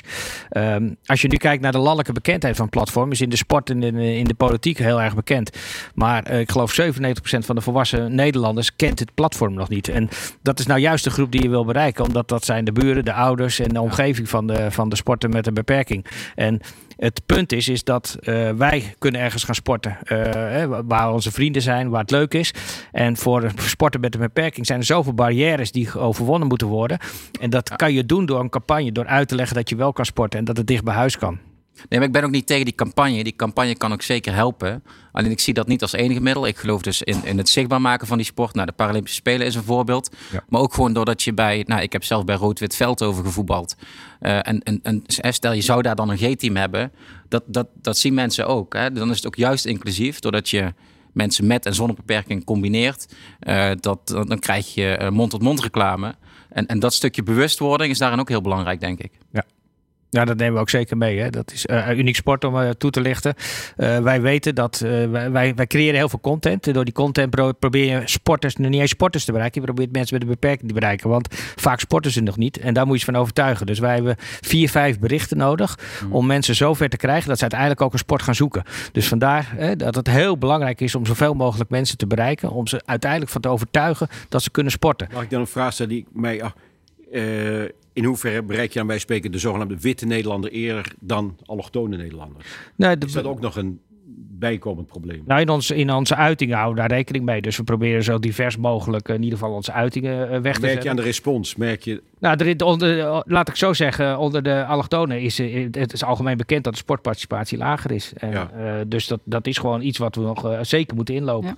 En dat zit ook in het budget van inclusie. Hè. Dat is een van de, van de items. De gehandicaptensport, ouderen, uh, allochtonen. Ja, dat is echt nog een uitdaging. Dus die komt erbij. Ja. Daar horen dus Daan zeggen, uh, nou ja, alleen een landelijke communicatiecampagne, daar hoeven we ons heil niet in te zoeken. Dat kan op meerdere manieren. Uh, Jeanette van der Laan uh, van, van D66, hoe kijk jij daarnaar? Nou, het moet op meerdere manieren. Dus topsport inspireert, hè, dus dat staat buiten kijf. maar we moeten wel scherp blijven. Want als we het hebben over een landelijke campagne, dan kan het ook misgaan. Hè? Want tijdens corona hadden we Fit op jouw manier. Wat, sorry, wat hadden we? Tijdens coronatijd hadden we een landelijke campagne Fit op jouw manier.nl. Ja.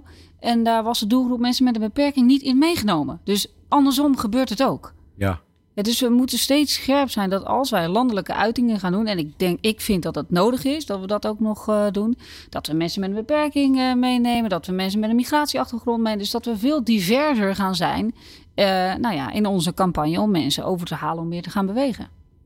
Ik ben, ik ben het hier heel erg mee eens. Um, ik denk wel dat die, dat die landelijke campagne dat, dat die wel kan helpen. Ik bedoel, we hoeven niet alle hel van te verwachten. Ik ben geen communicatiedeskundige, maar ik denk wel dat de, de, de, de, de, de bekendheid van het platform Uniek Sporten, dat dat helpt. Zodat meer mensen de weg weten te vinden. Want daar kun je heel makkelijk vinden uh, wat is er in mijn omgeving, wat voldoet aan mijn eisen en voorwaarden. Nou, dat, dat werkt volgens mij prima, maar dan moeten mensen wel weten dat het bestaat. Dus ik denk dat een landelijke campagne kan helpen. Maar daarnaast ben ik het ook met Daan eens dat uh, juist de uitstraling van bijvoorbeeld een G-team bij de, bij de voetbalclub of de wielers die op mijn atletiekbaan rondrijden, uh, dat dat ook heel inspirerend kan zijn, nog los van uh, de inspiratie door topsport. Dus als je nou, maar we moeten niet een van die dingen vergeten. Ik denk dat we het gewoon allemaal moeten hey, beide, ja. om te zorgen voor die vindbaarheid en de, en de kenbaarheid in je eigen lokale omgeving. En wat ik wel echt zichtbaar zie veranderen is, is de aandacht van de sportbonden hiervoor. Ja. Dat is wel echt uh, veel beter geworden. Ja, dat, dat, is ook echt nodig. Hè? Als je ziet, uh, want wij hebben natuurlijk veel ervaring mee. Uh, maar wij hebben onze fair share partners, dat zijn de bedrijven. En als je nog ziet hoe vaak in het verleden voorgekomen is dat wij bij bonden niet doorkwamen. Met name op breedte sportgebied hoor, dus uh, niet op topsportgebied. En dat dan de sponsor een zetje geeft en dan kan er opeens wel heel veel. En dat zie je nu veranderen gelukkig. Dus dat is wel heel belangrijk. Want we hebben NSC-NSF nodig, we hebben de bonden nodig, we hebben de verenigingen nodig. We hebben iedereen nodig om, om, om deze ook de particuliere sportscholen. Ja, en ook de, ja, Want dat wordt natuurlijk steeds groter. Hè? Ja. De, het niet georganiseerde sport wordt steeds groter. Ja, wandelgroepen, uh, fitness. Ja. Scoort ook hoog hè, bij, uh, bij uh, Uniek Sporten. Hè, daar peilen we allemaal. Staat fitness even uit mijn hoofd op nummer 2. Dus dat is echt een hele populaire sport. Ja, Inge van Dijk, CDA, u hebben we nog niet gehoord in deze, ja. in deze, in deze stelling. wat, wat, wat is jouw mening? Nou ja, ik, ben een, ik geloof ook in NNN, maar ik geloof ook heel erg in um, dat goede verhalen zichzelf verkopen, maar dan moeten ze verteld worden. Ja, ik, ik heb heel lange hypothekenafdelingen aan mogen sturen en dan had ik een paar hele goede adviseurs zitten en uh, nou, die hadden hele hoge klanttevredenheid. Ik zeg, durven jullie ook de vraag stellen aan de klant of ze die goede ervaring met jou zouden willen delen met iemand die ook een huis aan het verkopen is? Een e enorme stap, maar dat werkte heel goed. En hier denk ik dan ook, ja weet je, jullie hebben gebruikers, die zijn hartstikke, hartstikke tevreden. Zou je aan die mensen niet gewoon kunnen vragen van, goh, mogen wij één naam en een telefoonnummer van iemand die eigenlijk onze hulp heel goed zou kunnen gebruiken? Ja. En ik denk ook door die dingen te doen, heel gericht, dat het heel snel zou kunnen gaan groeien. Ja, dat geloof ik ook. Maar maakt het dat dan de AVG niet lastig, dat dat één op één contact? Nou, als je vraagt, uh, vindt u het goed dat u gebeld wordt, dan is het... Dat is de privacywet? Ja. Ja, privacy is natuurlijk wel een, ja. uitdaging. Maar... Je vraagt het toch van tevoren aan diegene. Je gaat toch niet buiten die persoon om? Nee, dat is zeker waar. Dat is zeker waar. Maar ik, ik kan me voorstellen, omdat, uh, nou ja, dat, dat is ook wat natuurlijk de bekendheid voor, voor Uniek Sporten voor jullie uit dan wel een stuk lastiger maakt. Nou ja, kijk, er zijn natuurlijk databases waarin precies exact bekend is eh, welke mensen met een beperking er in Nederland zijn en waar ze wonen. Alleen daar kom je niet bij. Dus ja, dan, dan zou je op een andere manier eh, het moeten gaan inzetten. Maar huisartsen bijvoorbeeld zouden er ook een hele belangrijke rol in kunnen spelen. Maar ik denk vooral dat het ook een mix is van, eh, van, van, eh, van, van de zorg, van school, van eh, eh, de buurtsportcoaches, de clubs, de, de bonden. Eigenlijk alles moet erachter gaan staan. Dan kan je wel bereiken. Oh ja, en een rolmodel als Bibian Mentel was natuurlijk gigantisch groot, denk ik. Ja. Nee, heel veel, je hebt absoluut je voorbeelden nodig. Dus wat dat betreft. eh, ik denk dat hij heel veel mensen geïnspireerd heeft. De Paralympische Spelen staan voor de deur. Hè? Dus de- Ja. we gaan weer hard uh, En dan krijgen we nieuwe, rol- weer nieuwe rolmodellen. Precies, maar zo zien we dus dat rolmodellen dus ook heel erg belangrijk zijn. Eh, je noemde eigenlijk allemaal ook al hè, de spelen als, eh, als belangrijk punt om, om daarin eh, nou ja, ook meer, voor meer aandacht te creëren. Op, op welke manier zou dat dan kunnen zijn? Michiel van Ispen van, van SP. Ja, dat is ook een van de punten die wij hebben opgenomen in, eh, eh, in onze voorstellen. Eh, we moeten ook gewoon uitstralen dat we trots zijn op onze gehandicapte, top, eh, gehandicapte topsporters. En de aandacht eigenlijk voor de Paralympische Spelen vind ik Ja. nog steeds wel schril afsteken bij de aandacht die er is voor de Olympische Spelen. En dat is eigenlijk jammer. Dat zou je eigenlijk gelijk moeten trekken. Nou hebben we als landelijke politiek niet direct wat te zeggen over de media. En dat is denk ik om diverse redenen, maar goed ook. Maar volgens mij mogen we hier wel met elkaar uitspreken. Kom op jongens, het zou toch mooi zijn als je nog eens wat vaker een Paralympier aan een talkshowtafel hebt. Als je meer ruimte krijgt bij Studiosport, et cetera. Dan mogen we hier natuurlijk wel zeggen tegen elkaar. Nou ja, en nu staat er een heel mooi groot programma eh, in 2023 gepland. De European eh, Para Championships. Waarschijnlijk bij jullie allemaal nu bekend al. Maar dat hangt nog op eh, één toezegging. En dat van de Rijksoverheid. Wat kunnen jullie daar nog aan doen? Mooie vraag. Kijk, want als je het over voorbeeld hebt in eigen land, zo'n groot Wat bedoel, je, evenement. wat, wat, wat, verwacht, wat bedoel je met wat, laatst, wat moet de Rijksoverheid financieel? Nou, voor grote evenementen in Nederland is altijd ook een bijdrage nodig en eh, beschikbaar van de, van de overheid. En waar, moet het, waar gaat het plaatsvinden? Dat gaat in Rotterdam plaatsvinden. is Ja. een multisport-evenement. En het is het eh, eerste officiële, ja, het de officiële EK's die gebundeld worden. Dus fantastisch. Kijk, we hebben in Nederland natuurlijk in 1980 eh, de Paralympische Spelen gehad. Heel mooi. In 1990 hebben we de, de, de Wereldspelen gehad. Maar dan wordt het even stil. Dus ik denk dat 2023 wel echt wel dat evenement moet worden wat in Nederland plaats moet vinden. Dus graag jullie eh, inzet daarvoor nog. Nou, dat hebben we ook eh, tijdens het laatste sportdebat eh, besproken. Dus daar is ook gewoon heel veel draagvlak voor. Dus het verbaast me dat het nog open staat. Maar goed, het, het is een subsidieaanvraag, denk ik, hè, waar je het dan... Ja, het is in december besproken in de, de Kamer. Ja. Ja. Ja. Maar er is nog geen Nou, het is nog niet bekend. Al, alle partijen zijn al aangehaakt, behalve de Rijksoverheid. Dus eh, ja, dat laatste deeltje heeft het nog even nodig, denk ik. Ja, toen bleef het stil. Nou ja, ik, ik vind het lastig om als niet-woordvoerder sport daar iets over te zeggen. De, dus, ik heb eh, toevallig We hebben volgens wel- mij wel laten zien vandaag, even los van deze Maar specifieke... Rutmer kennende zal hij het eh, steunen. Nee, maar ja, nou ja, Rutmer kennende ongetwijfeld. Maar nogmaals, ik vind het lastig om er dan ook een uitspraak over te doen. Maar volgens mij hebben we wel aangetoond, alle vier, Ja. eh, deze vier partijen, dat we dit gewoon, dat we sport, gehandicapte sport heel belangrijk vinden, even los van deze vraag. En, en dat we daar ook allemaal op onze eigen manier, eh, onze eigen inzet ook, inzet ook op plegen. Ik heb uh, Rutmer vanochtend nog uh, even op de app gehad en die zei dat hij er ook mee bezig was. Dus, uh, nou, kijk, dan weet je in ieder geval dat de VVD daarmee bezig is. Dat kan ik wel zeggen. Nou, hartstikke mooi. Uh, tot slot dan nog even voor jullie uh, alle, allemaal de vraag. Dan sluiten we stelling 4 uh, hierbij af. Um, dan hebben we dus nu dit mooie debat gehad. Eh, vorig jaar stelde ik jullie ook de vraag: wat gaat er dan nu gebeuren? Nou, stelling 5 laten we lopen, maar we zijn door de tijd heen. Hè? Ja, precies. Dus, maar goed, dan tot slot de vraag: wat, wat, gaat er dan nu gebeuren? Nou, we weten vanuit vorig jaar is er ook daadwerkelijk actie ondernomen. Nou, dan kijk ik jou weer even aan, Michiel van Ispen van, van SP. Uh, nou, nou, hoe gaan we dit nu op uh, lokaal vlak uh, vertalen en er straks mee aan de slag? Ja, volgens mij wat er nu moet gebeuren is dat de lokale partijen, die straks ook de coalities gaan smeden, die moeten natuurlijk ook doordrongen zijn van het belang van, uh, van, van, sport voor mensen met een beperking. Ik denk dat niemand daar nog omheen kan. En daar dragen we allemaal aan bij om daar bekendheid aan te geven. Maar wij hebben natuurlijk ook vooral onze landelijke rol. En die moeten we echt niet onderschatten. Het moet lokaal uiteindelijk echt ook zeker gebeuren. Helemaal eens met iedereen die dat heeft gezegd. Maar als wij er niet in slagen om deze tien voorstellen die we met elkaar bedacht hebben. En waar volgens mij niet alleen SP, GroenLinks en D66, maar waar veel breder draagvlak voor is. Als we er niet in slagen om, om dat gewoon het komend jaar te realiseren ja, dan zijn we, waar zijn we dan mee bezig? Dus de, dat, die toezegging die kan ik hier doen. Dat ik daar in ieder geval vanuit mijn rol alles aan ga doen om de minister van te overtuigen. Nu actie. Kijk, deze minister zit er nog, zit er nog maar net. Maar ik vind wel, die moet zich wel bewijzen op dit thema. Is je dat van de Laan, D66? Nou, dat wordt ook gelijk een heel belangrijk eh, moment. Want we zijn in afwachting van de hoofdlijnenbrief uh, van, van de minister. Hoe zij handen en voeten wil geven aan langdurige zorg en sport. Daarnaast zit preventie natuurlijk ook bij de staatssecretaris. Hè, dus we moeten het ook allemaal wel aan elkaar knopen. Rijksscholdig zit weer, valt weer onder een andere ministerie. Uh, maar er komt een belangrijke periode aan om die brieven... want dat maakt dus de agenda bekend van de bewindspersonen. En daar moeten we op gaan sturen.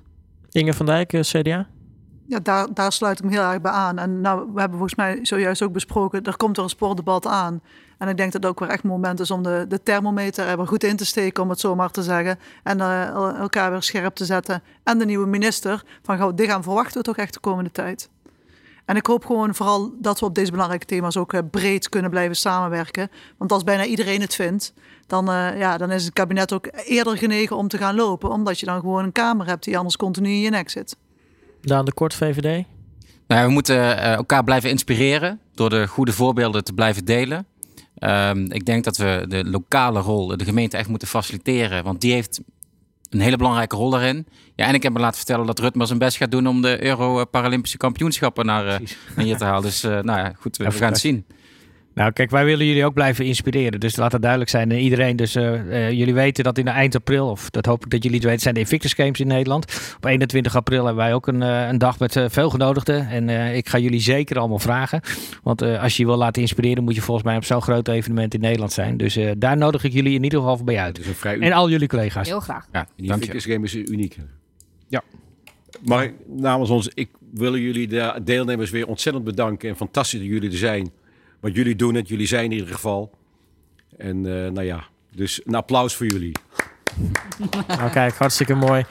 Um, ja, nogmaals, uh, dus gezegd, uh, Michiel van Nispen van de SP, Jeanette van Laan D66, Inge van Dijk van het CDA en Daan de Kort van de VVD. Hartelijk dank voor jullie komst.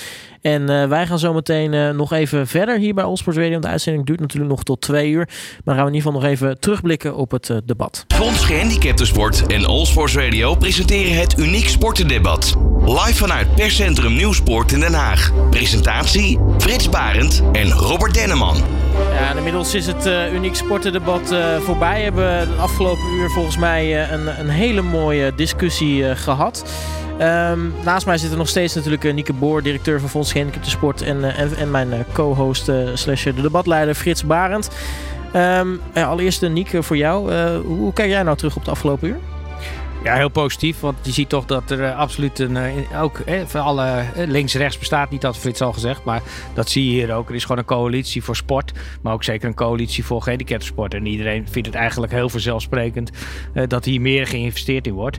Ja, het is alleen de grote vraag: hoe gaan we dat voor elkaar krijgen? En hoe houden we de, de minister ook ja, toch eh, onder druk om te zorgen dat er eigenlijk al uh, deze zomer al iets gaat gebeuren. Maar dat we in 2030 in ieder geval onze uh, ambitie kunnen waarmaken. Dat het vanzelfsprekend is om dicht bij huis te kunnen sporten. Ja, dat vind ik mooi. Dat, dat zag ik vorig jaar ook terug. het maakt niet uit SP of VVD. Iedereen is het eigenlijk met elkaar eens. Dat als je nou ja, normaal gesproken een beetje misschien de, de Tweede Kamervergadering of dat soort dingen ziet, dan, dan is dat absoluut niet het geval. Nee, dat zie je ook wel vaak terug als er een motie is. Dan, hè, dan wordt die ook wel met algehele stemmen aangenomen. Dus, uh, want alle partijen stemmen dan wel. Dus wat dat betreft staat het er goed op. Alleen ik denk, ja, überhaupt met sport, want daar begint het ook mee. Hè, moet gewoon, uh, de begroting voor sport moet gewoon aanzienlijk omhoog. En uh, volgens mij heeft COVID ook aangetoond dat dat zeer belangrijk is. en daar moet fonds of uh, sport gewoon in meegaan. Ja, Frits, wat is jou eigenlijk opgevallen het afgelopen uur? Nou, weer de eenheid tussen de... Dat politieke opvatting geen invloed heeft op het sportbeleid. Dat ze het eigenlijk met elkaar eens in grote lijnen. En uh, wat Inge van Dijk zei, I'm a believer. En ik, ik ben ook een gelover op dit gebied. Ik denk ook inderdaad... Je was, we waren niet bekend met gehandicapte sport 20, 30 jaar geleden zo goed. Net als met uh, ja, zoveel dingen moet, hebben we moeten leren. En langzaam maar zeker raken we ermee uh, vertrouwd. Paralympics, we hebben voorbeelden. En dan zie je inderdaad hoeveel handicaps ze krijgen, op, er zijn om actief te gaan sporten. Nou, dan is dit debat heel goed om te laten zien. Iedereen heeft recht om te sporten. Iedereen heeft recht op onderwijs. Iedereen heeft recht op uh, gezond eten, gezondheidszorg en dus ook sporten. Ik vind sporten hoort daarbij. Sport is een wezenlijk onderdeel van het recht dat je hebt. En juist kinderen ook, en zeker kinderen met een handicap, ik zie ook mijn kleinkinderen altijd maar met die telefoon en uh, laptop. Nou ben ik daar slecht, heel slecht voorbeeld van ook. Want ik doe het ook veel. Maar ik sport nog. kinderen moeten bewegen en gehandicapte kinderen moeten helemaal bewegen. En het plezier ook. Hè. Ik ben elke jaarlijks, die is nu ook helaas niet doorgaan door COVID, de open dag bij de Johan Cruijff Foundation. Als je ziet het plezier wat gehandicapte kinderen hebben, gehandicapte mensen hebben. En de ouders ook van die gehandicapten. Of de broers en zusters van die gehandicapte kinderen. Het plezier wat je door hebt door sporten. Er moet echt massaal moet er heel veel geld beschikbaar komen om iedere gehandicapt te laten sporten. Je hebt al een achterstand. Dus ik mag, dat mag ik toch wel zeggen. Jij zegt, sommige mensen zeggen wel, het is geen achterstand, maar het is toch een handicap. Anders heet het geen handicap. Eh, dus geef in ieder geval het plezier wat wij allemaal in sporten hebben. Laat je, dat je optimaal kunt sporten. Dus het, ik vond het weer een heel zinnig debat. En heel goed dat de politieke partijen los van hun politieke achtergrond hiervoor staan. Ja, en Robert, we hadden vijf stellingen. Maar eigenlijk hebben we ze alle vijf wel behandeld. Want de vijfde stelling was het sportmaatje, wat Ja. zo belangrijk Ja. is. En die hebben we eigenlijk bij de entree bij Daan natuurlijk al eh, opgepakt. Dus eh, wat dat betreft hebben we ze toch allemaal kunnen aan. eh, Sti- Stiekem hebben ze alle vijf gewoon. Ja, nog, ik ben van Maar je overtuigd. ziet ook hoe belangrijk het is. Hè? Daan gaf het ook aan. Dat hij gewoon op zoek is naar een piloot voor op de tandem. En dat Ja. hij die gewoon niet heeft. Ja, nee. Dat lijkt zo logisch. Nou, ik zei, ik heb aangeboden. Ik wil, het, maar hij wordt, maar goed, dan kom ik naar Gemert. Maar ik merk, ik denk ook als jij eh, bij sportclubs dat jij kinderen die geen handicap hebben, zeg goh, we gaan G-sporten en elk kind moet één week meetrainen met G-sporten. Of Opent twee, drie kinderen om partijtjes te spelen. Ik denk dat alle kinderen meteen zullen zeggen, natuurlijk doe ik dat. En die ouders zeggen ook, nee, natuurlijk, maar jij moet woensdagmiddag train jij mee met de G-sporters. Ja, ik denk dat het heel belangrijk is dat er inderdaad gewoon eh, dat, dat met elkaar meedoen. Hè. Daarom was ook Ja, een is wel een eh, hè, maatschappelijke stage Ja. ook van het middelbaar onderwijs in de sport. Heel zinvol, hè, want vrijwilligers staan onder druk. Eh, dus er kan echt wel iets zijn wat, eh, wat, wat heel veel waarde kan hebben. Want wie weet vinden ze het zo leuk dat ze ook vrijwillige wijven bij de club. Ja, ja. En dan denk ik ook nog wel aan maatschappelijke dienstplicht. Eh, als je daarnaar kijkt hoeveel die kunnen doen bij eh, verenigingen. Ja hoor, ben ik ook... eh, En daar, daar hou je altijd iets aan over. En, en, en, en zeker meer vrijwilligers. Ja. Maar dat zie je ook als je tegenwoordig bij heel veel sportclubs zie je toch ook dat kinderen van 12, 13, 14 wedstrijden fluiten. En dan laat ik maar even in het midden dat ze uitgescholden worden door ouders.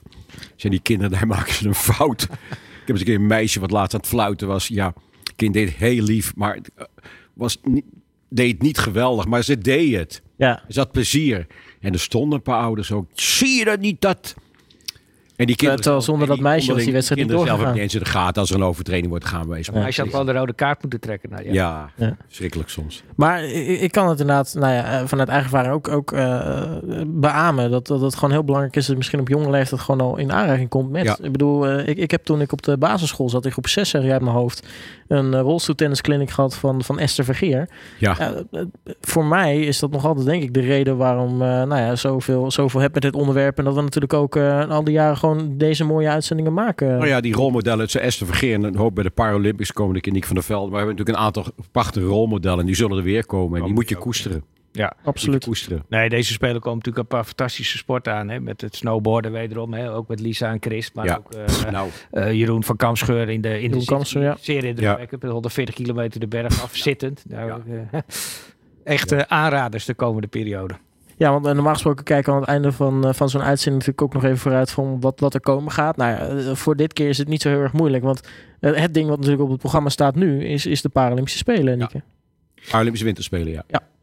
Ja, we zitten natuurlijk mee dat er helaas eh, ja, geen publiek bij kan zijn. Dus eh, het is niet anders. Ik, eh, de, de- maar het is wel heel belangrijk dat het natuurlijk wel weer gewoon de Ja, bij, aandacht een af, bij een afdaling heb je geen publiek nodig.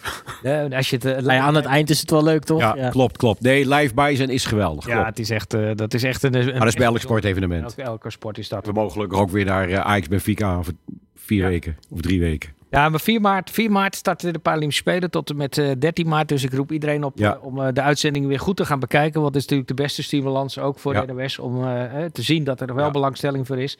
En dat er meer aandacht wordt besteed aan deze mooie Spelen. Ja, want hoe gaan ze dat dit keer doen eigenlijk?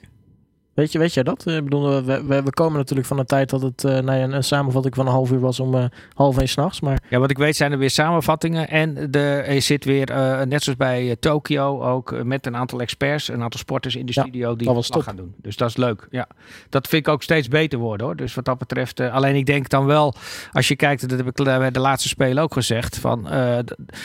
Eh, de tv eh, is eh, de helft van de, van de dag toch met eh, allerlei programma's gevuld waar je afvraagt van wat doen we ermee? Waarom kan je niet tijdens de Paralympische Spelen overdag op een van de één of twee kanalen gewoon Paralympische sport uitzenden?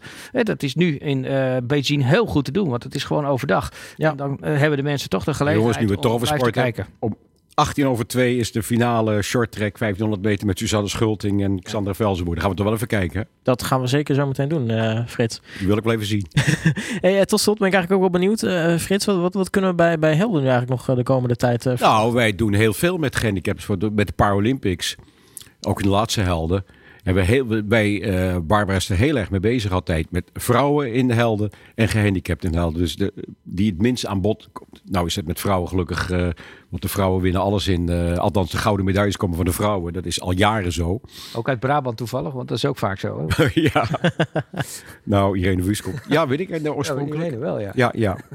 Nee, maar wij doen daar heel veel aan. En, en dat is iets wat Barbara altijd... Barbara is heel maatschappelijk betrokken. En die vindt het heel belangrijk dat we gehandicapten sport, vrouwensport... dat die aan bod komen in helden. Absoluut een. Alleen het gek is dan weer... We hebben het wel eens een paar keer geprobeerd. We hebben nu eh, Suzanne Schulting op de cover met helden. En eh, het gek is dat tot nu toe hebben wij gezien... dat van de 50 helden die we verkocht hebben...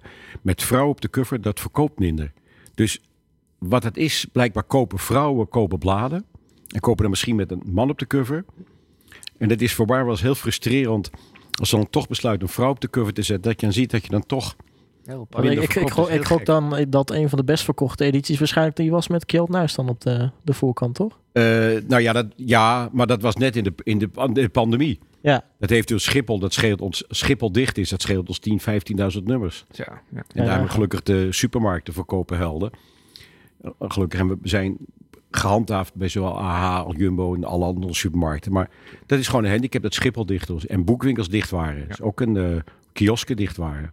Ja, en ik, ik mag er wel van uitgaan dat, eh, dat dit debat ook eh, in ieder geval met een minimaal een hoekje nog ergens in een, in een editie verschijnt. Ja, Frits in de overal, dat moet lukken. Precies. Nee, maar ik vind, ik, ik zet me hier graag voor in ook. Ik vind het zo belangrijk. Ja, wij vinden het ook heel eh, fijn dat jij er Ja. eh, toch ook het tweede jaar bij was. En ik, eh, ik had je gisteren aan de lijn en toen was je alweer eh zeer gepassioneerd. Ik vond het Ja. mooi om te horen. Ik denk, nou, Frits heeft er zin in, dus het moet goed Ja, nee, ik zat me gisteren even voor te bereiden, wat alles in te lezen. Nou, ik en vond ik, het nogmaals, wat ik, ik vind het echt klasse dat deze politici hier zich voor inzetten. zeker. Echt, die eh, hebben een streepje voor bij mij daardoor. Ja, en onze doelstelling is dat er volgend jaar gewoon eh, nou, minimaal zes tafeltjes staan. Zo, Ja, ja, ja. En Partij van de Arbeid, zorg nou eens dat je erbij bent. Zo is dat. Precies. Ehm, nou, dan was dit het einde ook alweer van het eh, uniek sportendebat hier op eh, All Sports Radio. Eh, Frits Barend, dankjewel voor, eh, voor je komst natuurlijk weer, voor, je, voor je deelname. Nieke Boer, jij ook. Jou spreken we natuurlijk volgende maand weer hier bij, of in Hilversum in eh, de studio. Eh, dan dank iedereen voor het luisteren. En mocht je iets gemist hebben van eh, dit debat, eh, dat komt helemaal goed. Want eh, uiteraard gaat dit ook weer online verschijnen. Dan kun je alles op je gemak eh, terugluisteren. Dan was dit hem vanuit uh, Nieuwsport in Den Haag. Nogmaals dank voor het luisteren. Een hele fijne woensdag. En natuurlijk eh, alvast heel erg veel succes met het eh, nou ja, alvast eh, inlezen voor de gemeenteraadsverkiezingen over eh, exact een maand. Tot de volgende keer. Dag. De sportzender van Nederland. Dit is All Sports Radio.